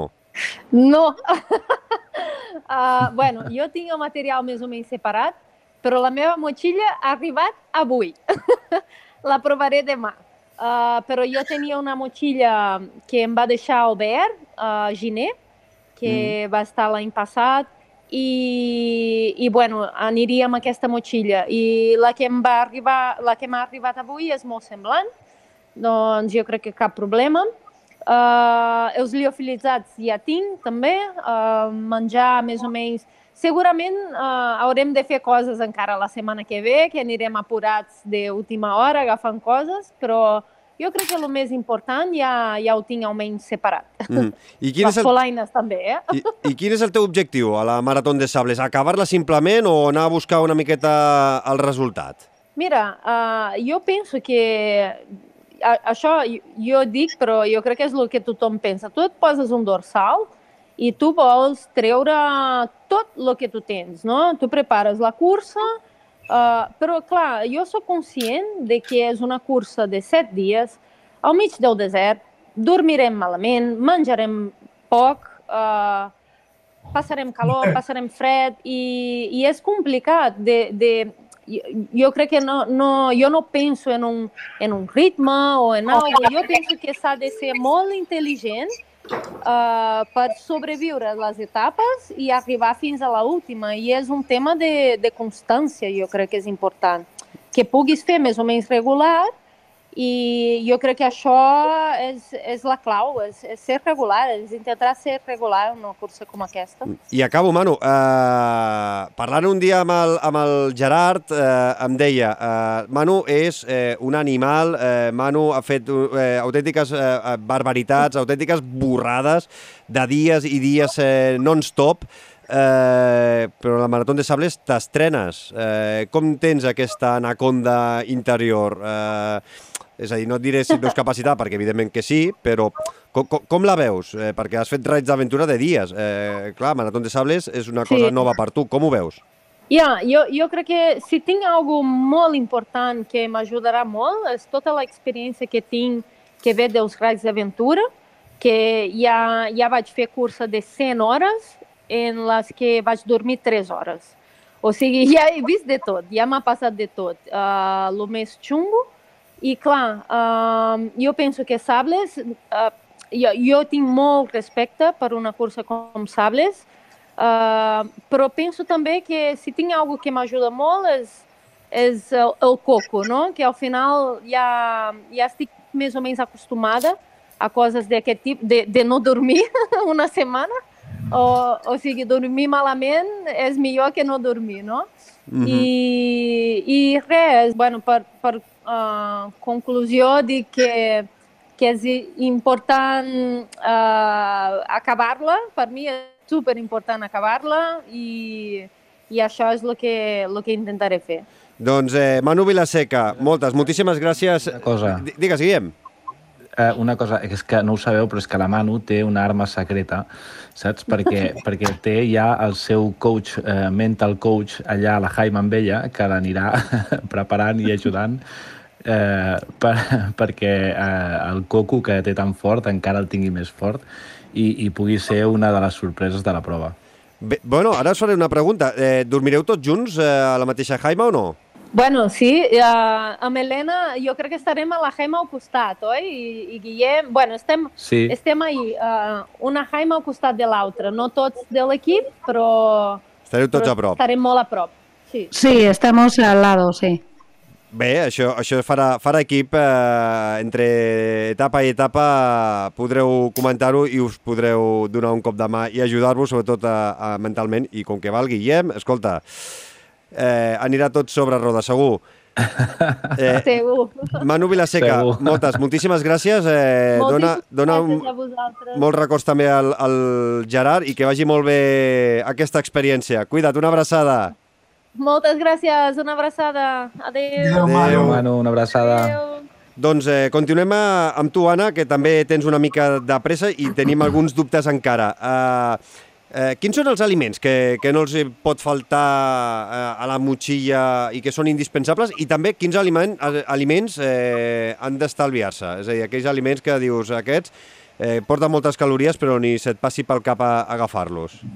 Bueno, eh, aviam, comencem per als primers, no? Els indispensables. Els indispensables, doncs, per suposat, ja han sortit abans, hem parlat dels liofilitzats, però també els salats, perquè no oblidem que estem al desert, passarem calor, vale? i a vegades lo dolç amb competicions tan llargues ens pot saturar, llavors aliments salats, com per exemple cacauets salats o, o el pernil que parlàvem, o algun entrepanet petitet que puguem portar sobretot els primers dies, perquè després ja no, doncs poden ser idees interessants. Eh, després, eh, també és veritat que alguna vegada amb algun esportista hem arribat a portar envasat al buit, o sigui, tant el pernil com, com això que diré ara, sempre envasat al buit, eh, que és eh, talls de formatge. Vale? Llavors són cosetes a tenir en compte per no anar tots els dies amb coses dolces que al final ens pugui passar factura. Després, altres coses seguint aquesta línia són les sals. Vale? Sigui en format totum, vale? aigua de mar, o sigui en format píldores de sals. Estem al desert, suem, excretem molt de sodi, per tant això s'ha de, de recuperar. Si us hi fixeu, no sé si us recordeu una edició de Marató de Sables que des de la medicina pròpia de l'organització es van donar píldores de 10 eh, grams de 10 mil·ligrams de ai, no, perdona, 10 grams de sal als esportistes i que van acabar amb una retenció molt bèstia d'aigua. Clar, no es tracta tampoc d'inflar-los a sal, sinó que tinguin la sal que necessiten. I a més a més al desert, la Manu acaba de dir una cosa molt interessant i és que hi ha canvis de temperatura. No és el mateix a primera hora del matí que a última del vespre. En funció de quin sigui el nostre ritme, potser hi haurà oscil·lacions molt grans i la sal s'haurà d'adaptar en funció de l'època i del fred o no que, que tinguem. Aviam, en principi sempre hi haurà, hi haurà calor, excepte la nit que es passarà fred, però hi ha moments moments que et poden sorprendre i has d'estar preparat a qualsevol d'aquestes situacions. Llavors, a part d'això, eh, m'agradaria parlar també del cheat meals, no? O sigui, sí que és veritat que tot això no pot faltar, però després hi han d'haver aquests cheat meals, aquests punts de motivació al llarg de la competició. So, és una competició molt llarga, estarem set dies, no vulguem prendre-ho tot eh, excessivament perfecte, perquè potser hi haurà moments en què ens vindrà de gust alguna alguna cosa fora de lo que seria adequat. Vale? Com que és una competició, si no anem a guanyar-la, doncs, escolta, doncs, portar una mica de xocolata, xocolata amb avellanes, inclús he vist algun corredor que portaven fins i tot, es parlaven entre ells, un portava la nocilla, l'altre portava el pa, l'altre portava no sé què. bueno, doncs coses d'aquestes, si no anem a guanyar-la, no anem a fer un temps, doncs fins i tot ens poden ajudar a motivar. Vale? Mm. Xocolata, xocolata i calor... Mm no ho veig molt, eh? No, bueno, però, però la veritat és que ho porten. Aviam, per exemple, eh, sí que és veritat que es fon, però... Mm, quan hi ha gana i quan hi ha el punt aquest que necessites aquest punt de motivació, xocolata desfeta. Sí, el que sigui. Mira, a més a més, t'hi pots mullar unes quantes galetes. No, però, però al final eh, has de buscar sí, sí. punts de motivació. O sigui, si no, amb un entrepanet d'un sàndwich de cacau, saps? I això ho portes envasat al buit o fins i tot amb elles garrapinyades, d'acord? Llavors, o conguitos, envasats en mm. format individual. Llavors, totes aquestes coses doncs sí que, que són agradables en alguns moments. Clar, jo no dic si vas a, amb la intenció de guanyar, no? que ets un èlit, que vols anar allà al davant, doncs això et sobrarà, per, per suposat, perquè al final no deixen de ser grams que fiques i que no, i que l'únic que t'aporten és motivació i ja està. Però si som un mes i anem a disfrutar-la, anem a acabar-la, per què no? Vale? Llavors, eh, també tenir en compte el que has dit, què és el que no podem portar. bueno, aviam, eh, estem a alta temperatura, el que no podem pretendre és que un aliment que portem més o menys fresc ens duri tota la setmana. Vale? O sigui, tot el que utilitzem més fresc, com per exemple en, entre panets o rotllitos o cosetes d'aquestes que puguem elaborar nosaltres a casa, per molt que ho envasem al buit, es pot fer malbé. Per tant, que s'ingereixin el primer dia o els primers dos dies amb el del zer, que no estiguem tot tot el dia amb, amb el producte a l'esquena. Llavors, eh, bueno, tota la setmana, vull dir. Llavors també altres coses que es parlaven és que una...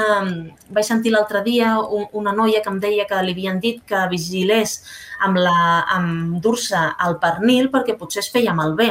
Clar, si tu t'endús el pernil en format de 200 grams i vas obrint-lo i tancant-lo cada dia, sí, es farà malbé. Però si el portes envasat al buit en formats individuals de 30-40 grams, llavors no. I avui dia tothom es pot comprar una màquina d'envasar al buit que et costa 30 euros i la tens a casa el dia següent. Vale? Llavors són idees a tenir en compte. Però, bueno, a part d'això, pues, eh, jo aniria una miqueta també a, a, aquests punts de motivació que siguin coses puntuals, que no t'enduguis, com he vist algun cop, el pot de nocilla a, a darrere, perquè et pesarà i l'hauràs de tirar en algun moment, però, però després que siguem conscients de que també ens ajudarà. I en format això, eh, conguitos o, o les ametlles mm. garrapinyades poden ser idees superinteressants. La fruita deshidratada és com, perquè jo respecte a l'any 2012 quan hi vaig anar, una cosa extra que vull aportar és fruita deshidratada. Vale? Jo soc bastant delicat amb tema panxes i això, i després necessito coses super, bueno, que ja sàpiga que em vagin bé, jo no prendré biofilitzats ni res, però aquest any vull aportar-hi fruita deshidratada. És convenient o no? Sí, sí, per suposat. De fet, fixem-nos, clar, la limitació més gran que tenim nosaltres en el desert és la falta de fruita i verdura. Vale? Ja. Llavors, ens podem trobar en un problema perquè li estem demanant al nostre cos un exercici extra que no, puguem, no podrem compensar ni a nivell de vitamines i minerals. Hem d'anar molt ben carregat de vitamines i minerals abans, però n'hi ha algunes que s'eliminen, que no tenim reserves. Vale? Llavors, la fruita, la fruita deshidratada o la fruita seca, dàtils, orellanes, figues, el mango sec, la poma seca, la pinya seca, ens aportaran doncs, tots aquests nutrients que no podem aportar d'una altra manera. És més, els cítrics deshidratats, com la pinya eh, o el kiwi, ens poden donar una petita part, dic una petita part perquè la vitamina l'AFP amb la calor eh, s'evapora, vale? però sempre queda un remanent. Llavors, els cítrics ens aportaran vitamina C, que és un antioxidant, i fruites com el mango, el préssec, l'orellana o el dàtil sec ens aportaran vitamina A, que aquesta no es perd per calor. Per tant, la vitamina A és un altre antioxidant superimportant en aquest tipus de competicions i més parlant que és una competició amb calor. Llavors, eh, Guillem, sí, per suposat, jo seria algo que, que portaria, que consideraria, i més si no pots portar liofilitzats.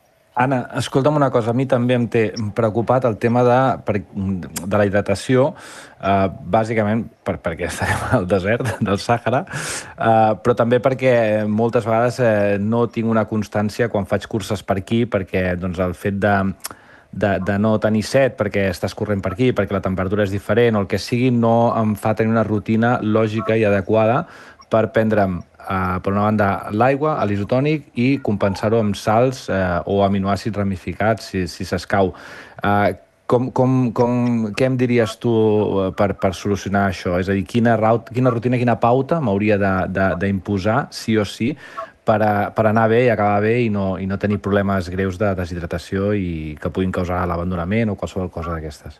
Mira, eh, un altre tema interessant, o sigui, la hidratació sempre fa, serà el factor limitant a Marató de Sables. Llavors, no solament hem de portar els bidons que tinguem a davant, sinó també alguns que ens hi càpiguen a la motxilla on sigui. Ja sé que la motxilla els primers dies és que quasi no hi cabrà res, però alguns dels participants eh, pues, han arribat a ficar ampolles d'aquestes de, de, de litre, litre i mig, o aquí darrere l'esquena, entre la lumbar i la motxilla, o aquí davant, darrere el dorsal, per intentar tindre més quantitat d'hidratació, perquè és lo limitant, però tinguem en compte que mm. no és que sigui limitant i ja està, és que una deshidratació et pot afectar l'orientació. Tinc una experiència molt, bueno, molt visual per vosaltres, però molt dolenta per la persona que li va passar, i és que en una etapa de Marató de Sables, un, un dels meus participants pues, anava en una direcció i es va trobar un dels corredors que venien en direcció contrària. Doncs ell li va dir, escolta'm, que estàs anant en direcció contrària, que és cap allà. I l'altre estava segur que era cap a l'altra banda. Però, a més a més, es veia que no estava gaire bé, ni corria bé, no estava molt, molt atent a l'hora de parlar. Què li va passar? Que va agafar tal punt de deshidratació per no portar suficient aigua a sobre que es va desorientar i va tindre problemes greus. O sigui, va tindre que anar a l'helicòpter a buscar-lo. Vale? Per tant, jo sempre el pes amb líquid, per suposat, és una que se li haurà d'afegir després al pes de la motxilla, i, però que és millor anar sempre amb una mica més que amb una mica menys. No solament perquè et pot desorientar, sinó perquè també perds el rendiment esportiu. Per cada 1% de pes corporal que tu perds en base a hidratació, i en el desert tot el pes que perdràs serà hidratació, bueno, al cap de 7 dies serà greix també, però eh, si perds una persona de 60 quilos, si perds 600 grams, ja un, és un 1% de greix, de de pèrdua de pes corporal. Aquest, aquests 600 grams per ell suposaran una pèrdua del 10% de rendiment. Si aquesta persona de 60 quilos, en vez de 600 grams, en perd 1 quilo 800, serà un 3% del seu pes corporal, això és una, un 30% menys de rendiment i us asseguro que en el desert es perd entre un 2 i un 4% del pes corporal i en casos extrems hem arribat a veure fins a un 6-7% i ojo que llavors ja són casos molt greus que s'han de, de tractar. Anna, perdona, jo el 2012 vaig perdre 8 quilos. Això, però al final de tot de sables, veritat? Al final de tot de sables, 8 quilos. Passa que jo em vaig alimentar, no em vaig alimentar bé. Jo anava molt perdut, saps? I em vaig alimentar molt malament. Molt malament aquest sí. any. Penso que aniré un pèl, amb l'experiència meva d'anys, doncs intentaré anar un pèl més ben alimentat, però jo em vaig aprimar molt i és veritat que a última hora et falten forces. Quan t'aprimes tant i perds tant a última hora et falten forces. Vull dir, no, no, no pots, no pots, però bé, aquest any esperem que això no passi.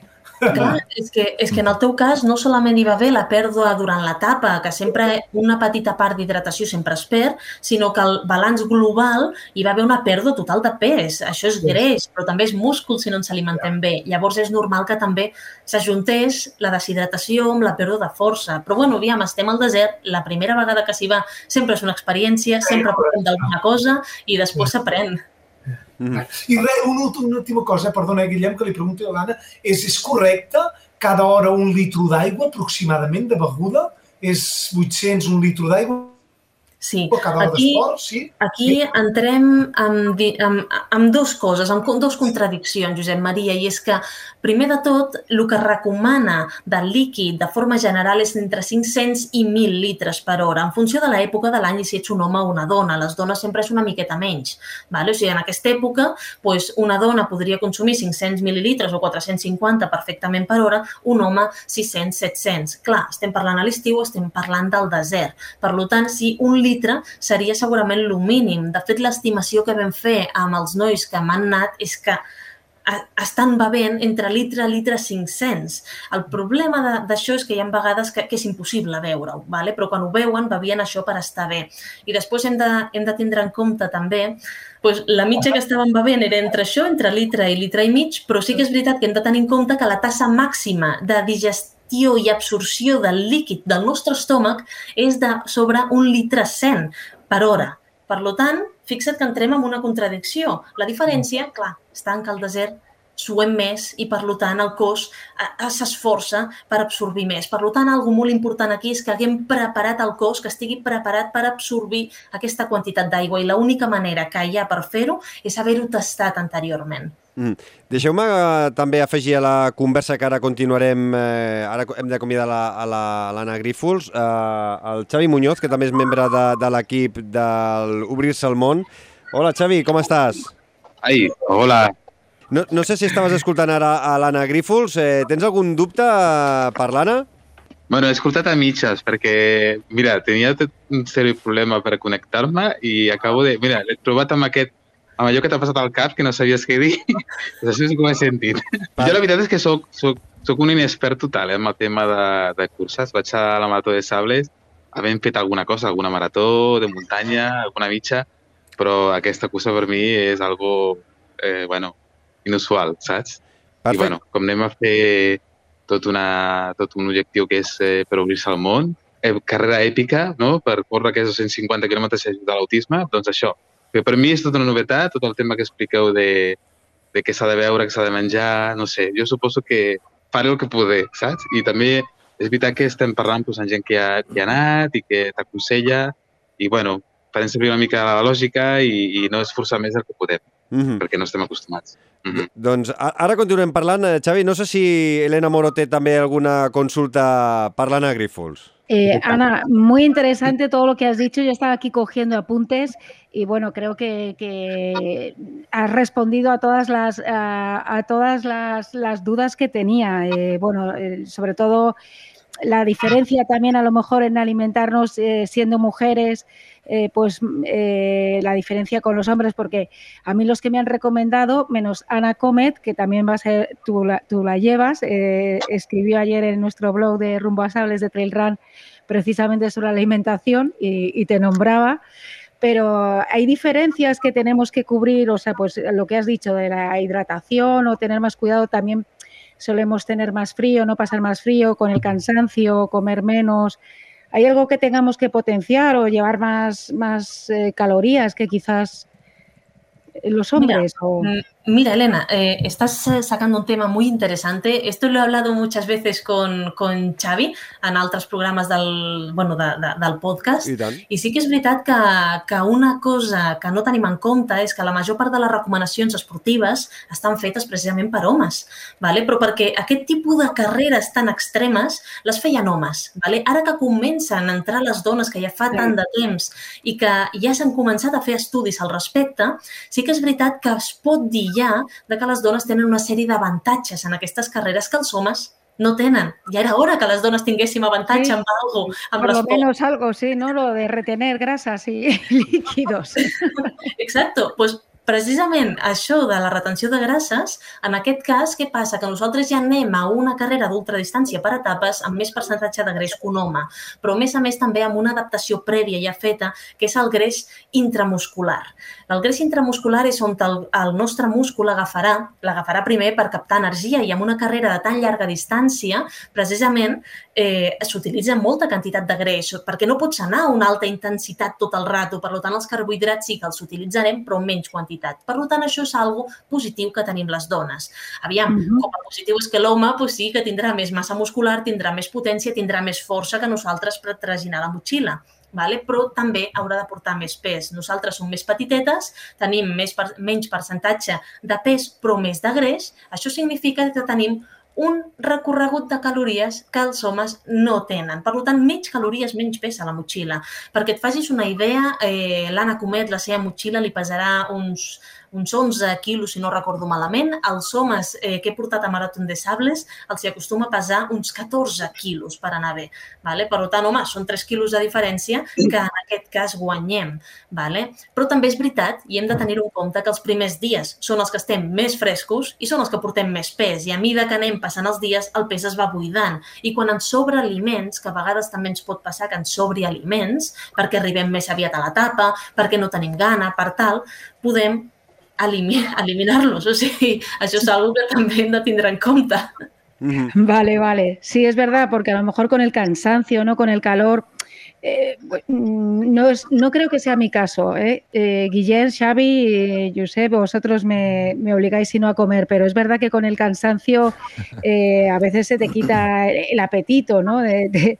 Y bueno, puede ser peligroso. Hay que cuidar también alimentarte aunque no, no tengas ganas, ¿no? Y la, cal y, la, y la, calor, disculpa Elena, también no, no, debe ayudar a la ingesta de, de alimentos, porque a veces efectivamente, está, en, cuando hacemos un, una cursa aquí con en 25-30 grados nos cuesta comer, solo nos entra a veces eh, alimentos líquidos.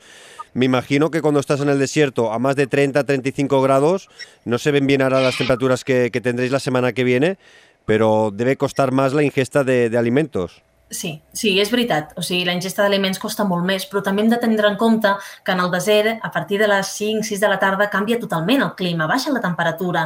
O sigui, a, a, a la nit, si no vas abrigat, passes fred. Vale? Per tant, clar, eh, tindrem més gana a la nit perquè el cos s'aclimatarà millor, però també hem de tindre en compte que quan millor ens recuperarem és just quan acabem de competir. I a més a més, eh, tardarem perquè hem de treure les coses, haurem de treure el fogonet, hem de bullir l'aigua, vale? per tant, no pot passar massa temps, ens hem de forçar una mica. El que sí podem fer és menjar una part del menjar que tenim preparat, vale? de seguida que puguem, i l'altre anar-ho reservant per les hores posteriors. Vale? És a dir, ostres, no m'entra tot el liofilitzat, no passa res, menjo una part i després, a mesura que passi la tarda o que arribi la nit, menjo més quantitat. Però s'ha de menjar perquè no podem pensar en l'avui. Això en una cursa que farem puntualment un dia aquí a l'estiu, fantàstic. Però has de pensar que et queden dos dies, tres dies, quatre dies, cinc dies, sis, set dies. Mm -hmm.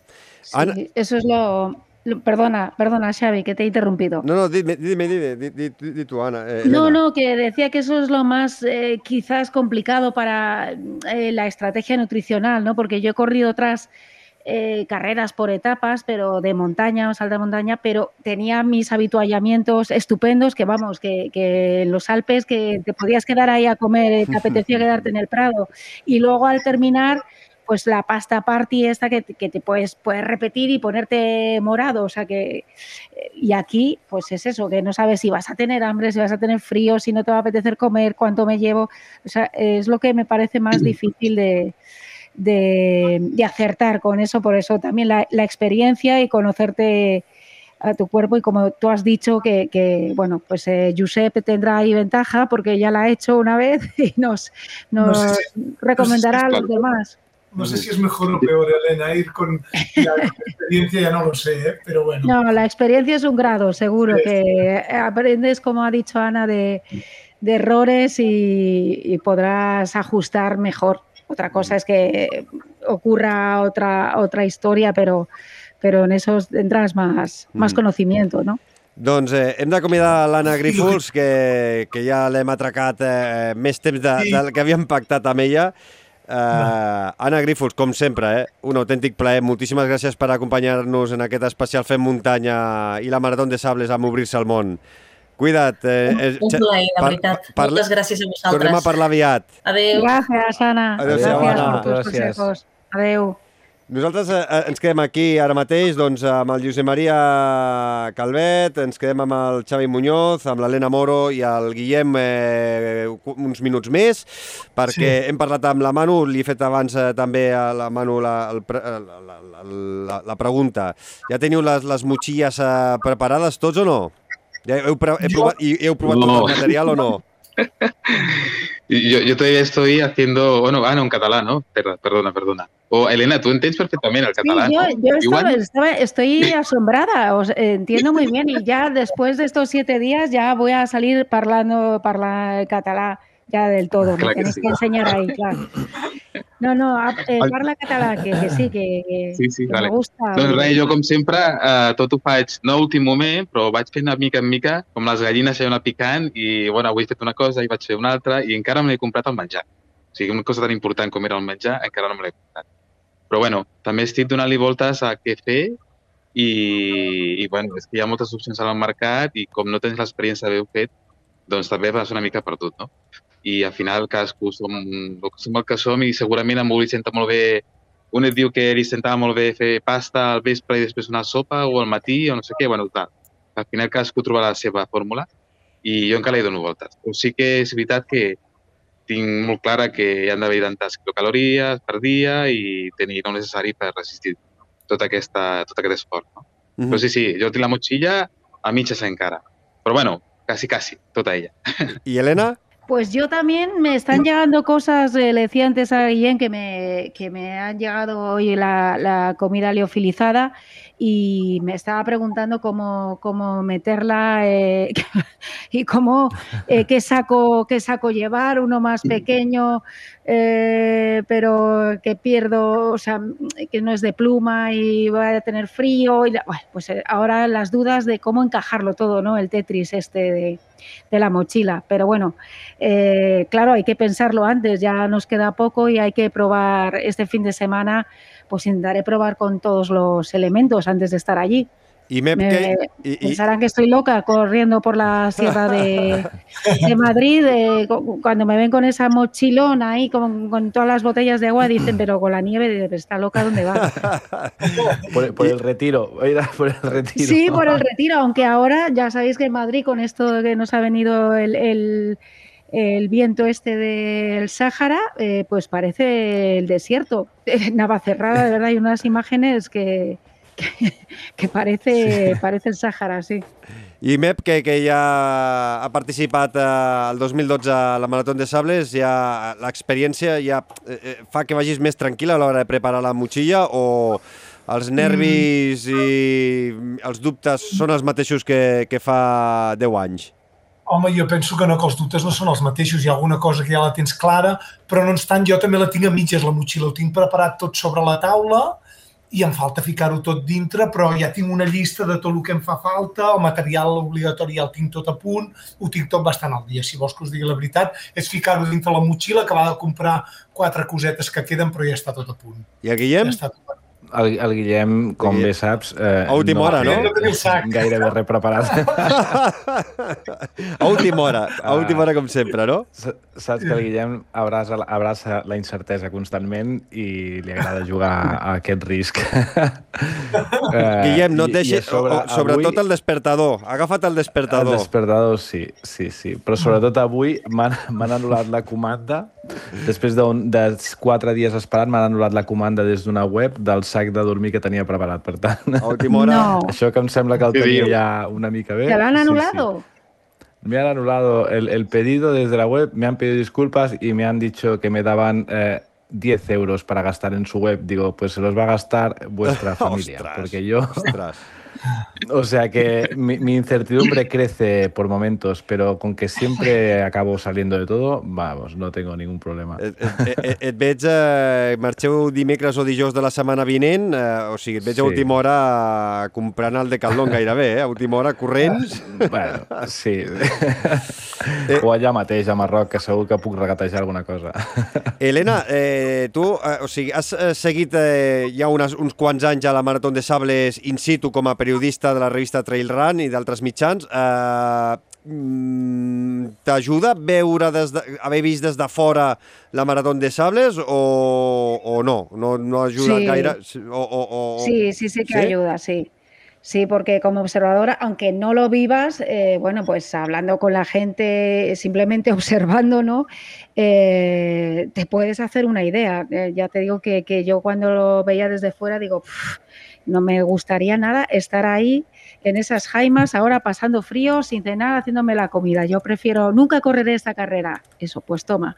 Pero bueno, si, si te haces una idea, también eh, eso me da cierta tranquilidad, ¿no? No cierta tranquilidad no absoluta, pero cierta tranquilidad de que he visto un poco lo que es eh, que hay todo tipo de gente también, están los que van a, a, intentar ganar o hacer lo mejor posible, como, pues, como Manu, como Ana Comet, como Gerard, y luego estamos los, los que vamos ahí al pelotón eh, y que, que, haremos lo, lo, que podamos, pero que hay todo tipo de gente y muchos van a estar en la misma situación y con las mismas dudas que, que todos, y yo creo que que luego se, se, ayuda mucho la gente, ¿no? La parte también de mental que es tan importante y emocional, eh, yo creo que esa eh, la llevamos nosotros en el, en el equipo y con la gente que conozcamos allí. Uh -huh. Así que eso todo se, se, ve, se vive cuando, cuando estás allí, aunque sea desde la barrera, pero se, se, se puede percibir y sentir ese, ese ambiente que hay en Sables de, de convivencia ¿no? entre gente que viene de todas partes del mundo. Mm -hmm. Doncs eh, hem de deixar aquí fins aquí el, aquesta conversa. No sé si voleu comentar alguna cosa més. Només eh, em quedaria una pregunta a fer-vos a, a tots. Eh, mm, de quina forma eh, heu pogut eh, col·laborar, quines formes, doncs en quins cercles, doncs, eh, i també què demaneu, no? l'ajuda per eh, obrir-se al món, eh, per eh, recaudar diners i quilòmetres eh, doncs, eh, per l'associació eh, Obrir-se al món. No sé, eh, cadascú de vosaltres, doncs, eh, aquestes darreres setmanes, aquests darrers mesos, doncs, eh, què és el que heu anat fent?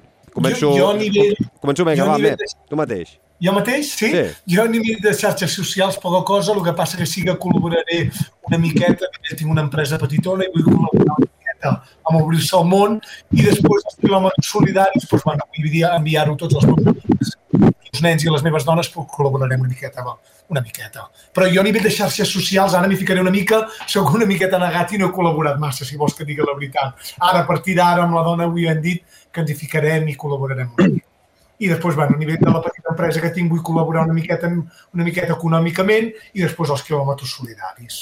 Mm -hmm. Elena.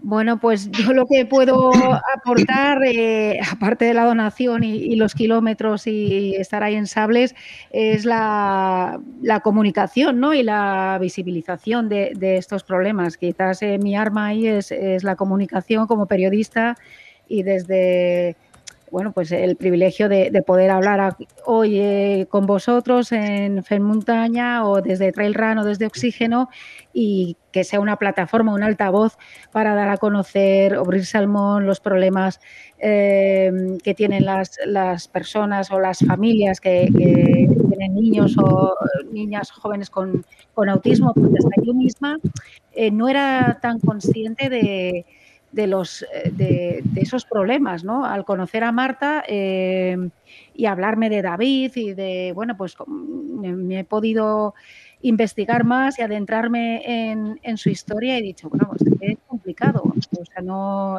realmente son, es un problema para las familias y eso, el lema que, que llevamos también, que es ayúdame o ayúdanos a, a respirar, a respirar, eh, es muy acertado, ¿no?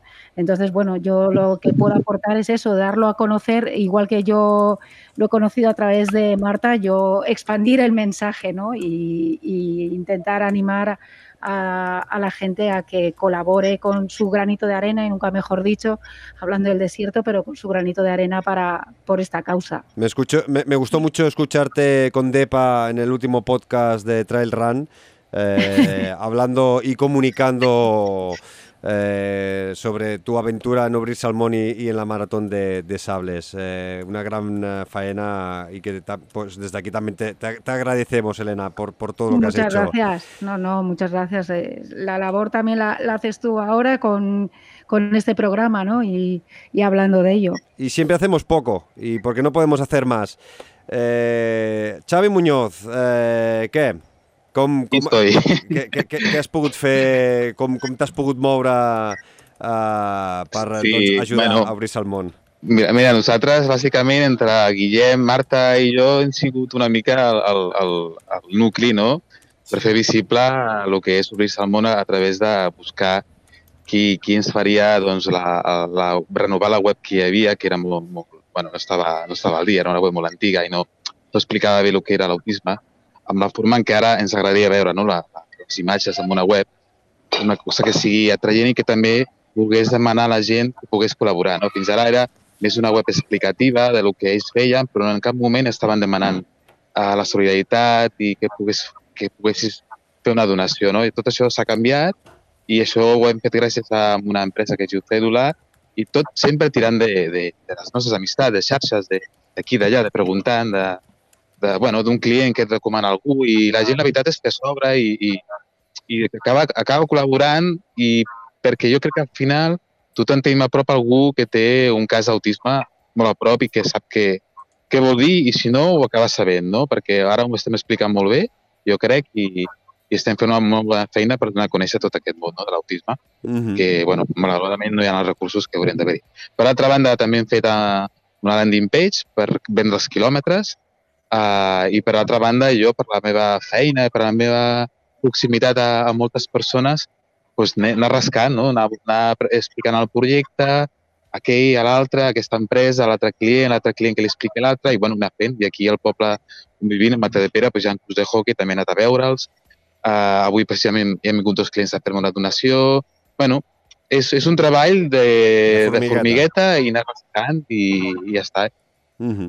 I a més a més, pues, pues ara a partir d'ara pues, moure xarxes. El que passa que jo no sóc molt de moure xarxes. La meva Instagram o Facebook estan bastant, bastant descansadets, saps? Però bueno, sobretot, mira, aprofito la vinentesa per agrair a Guillem tota la feina que, que ha fet i que està fent i que ha sigut un pilar bàsic, no, el primer de tots, perquè tot això tiri endavant, no? I a Helena també per la seva per el seu suport a nivell de, de trail run i, bueno, i a tothom en si, perquè estem fent una feina molt maca i segur que ens surt. Mm -hmm. I també el Guillem Marchal, que, que em sembla que també ha treballat dur. Treballant dur, bàsicament...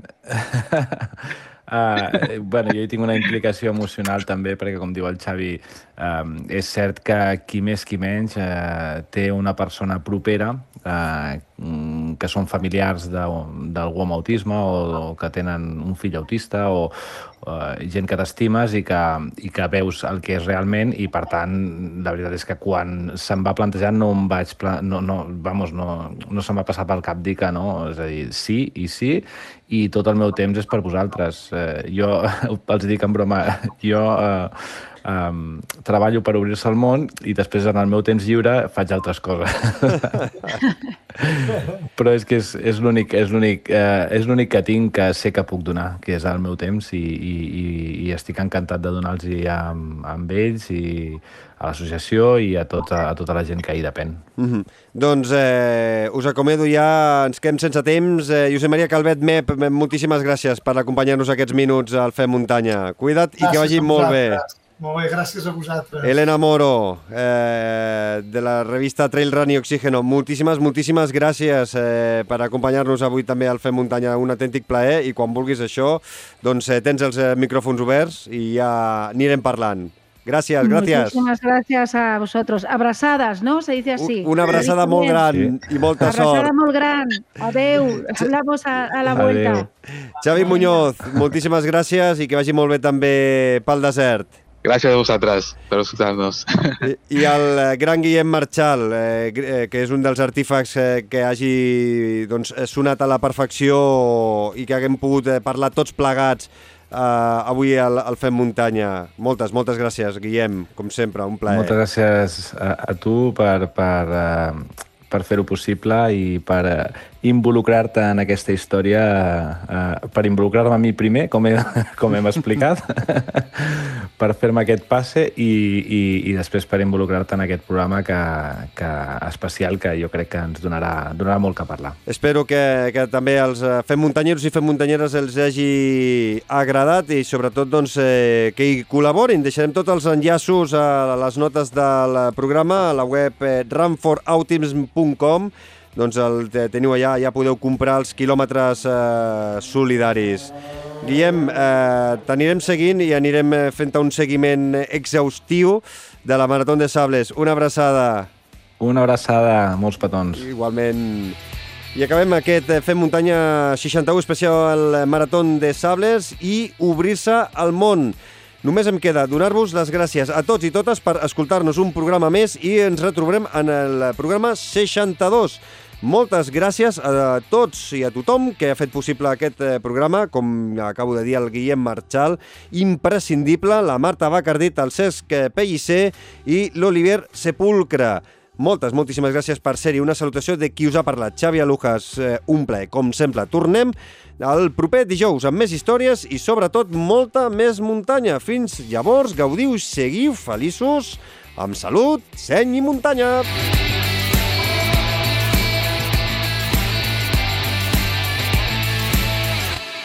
Subscriu-te al podcast de Fem Muntanya.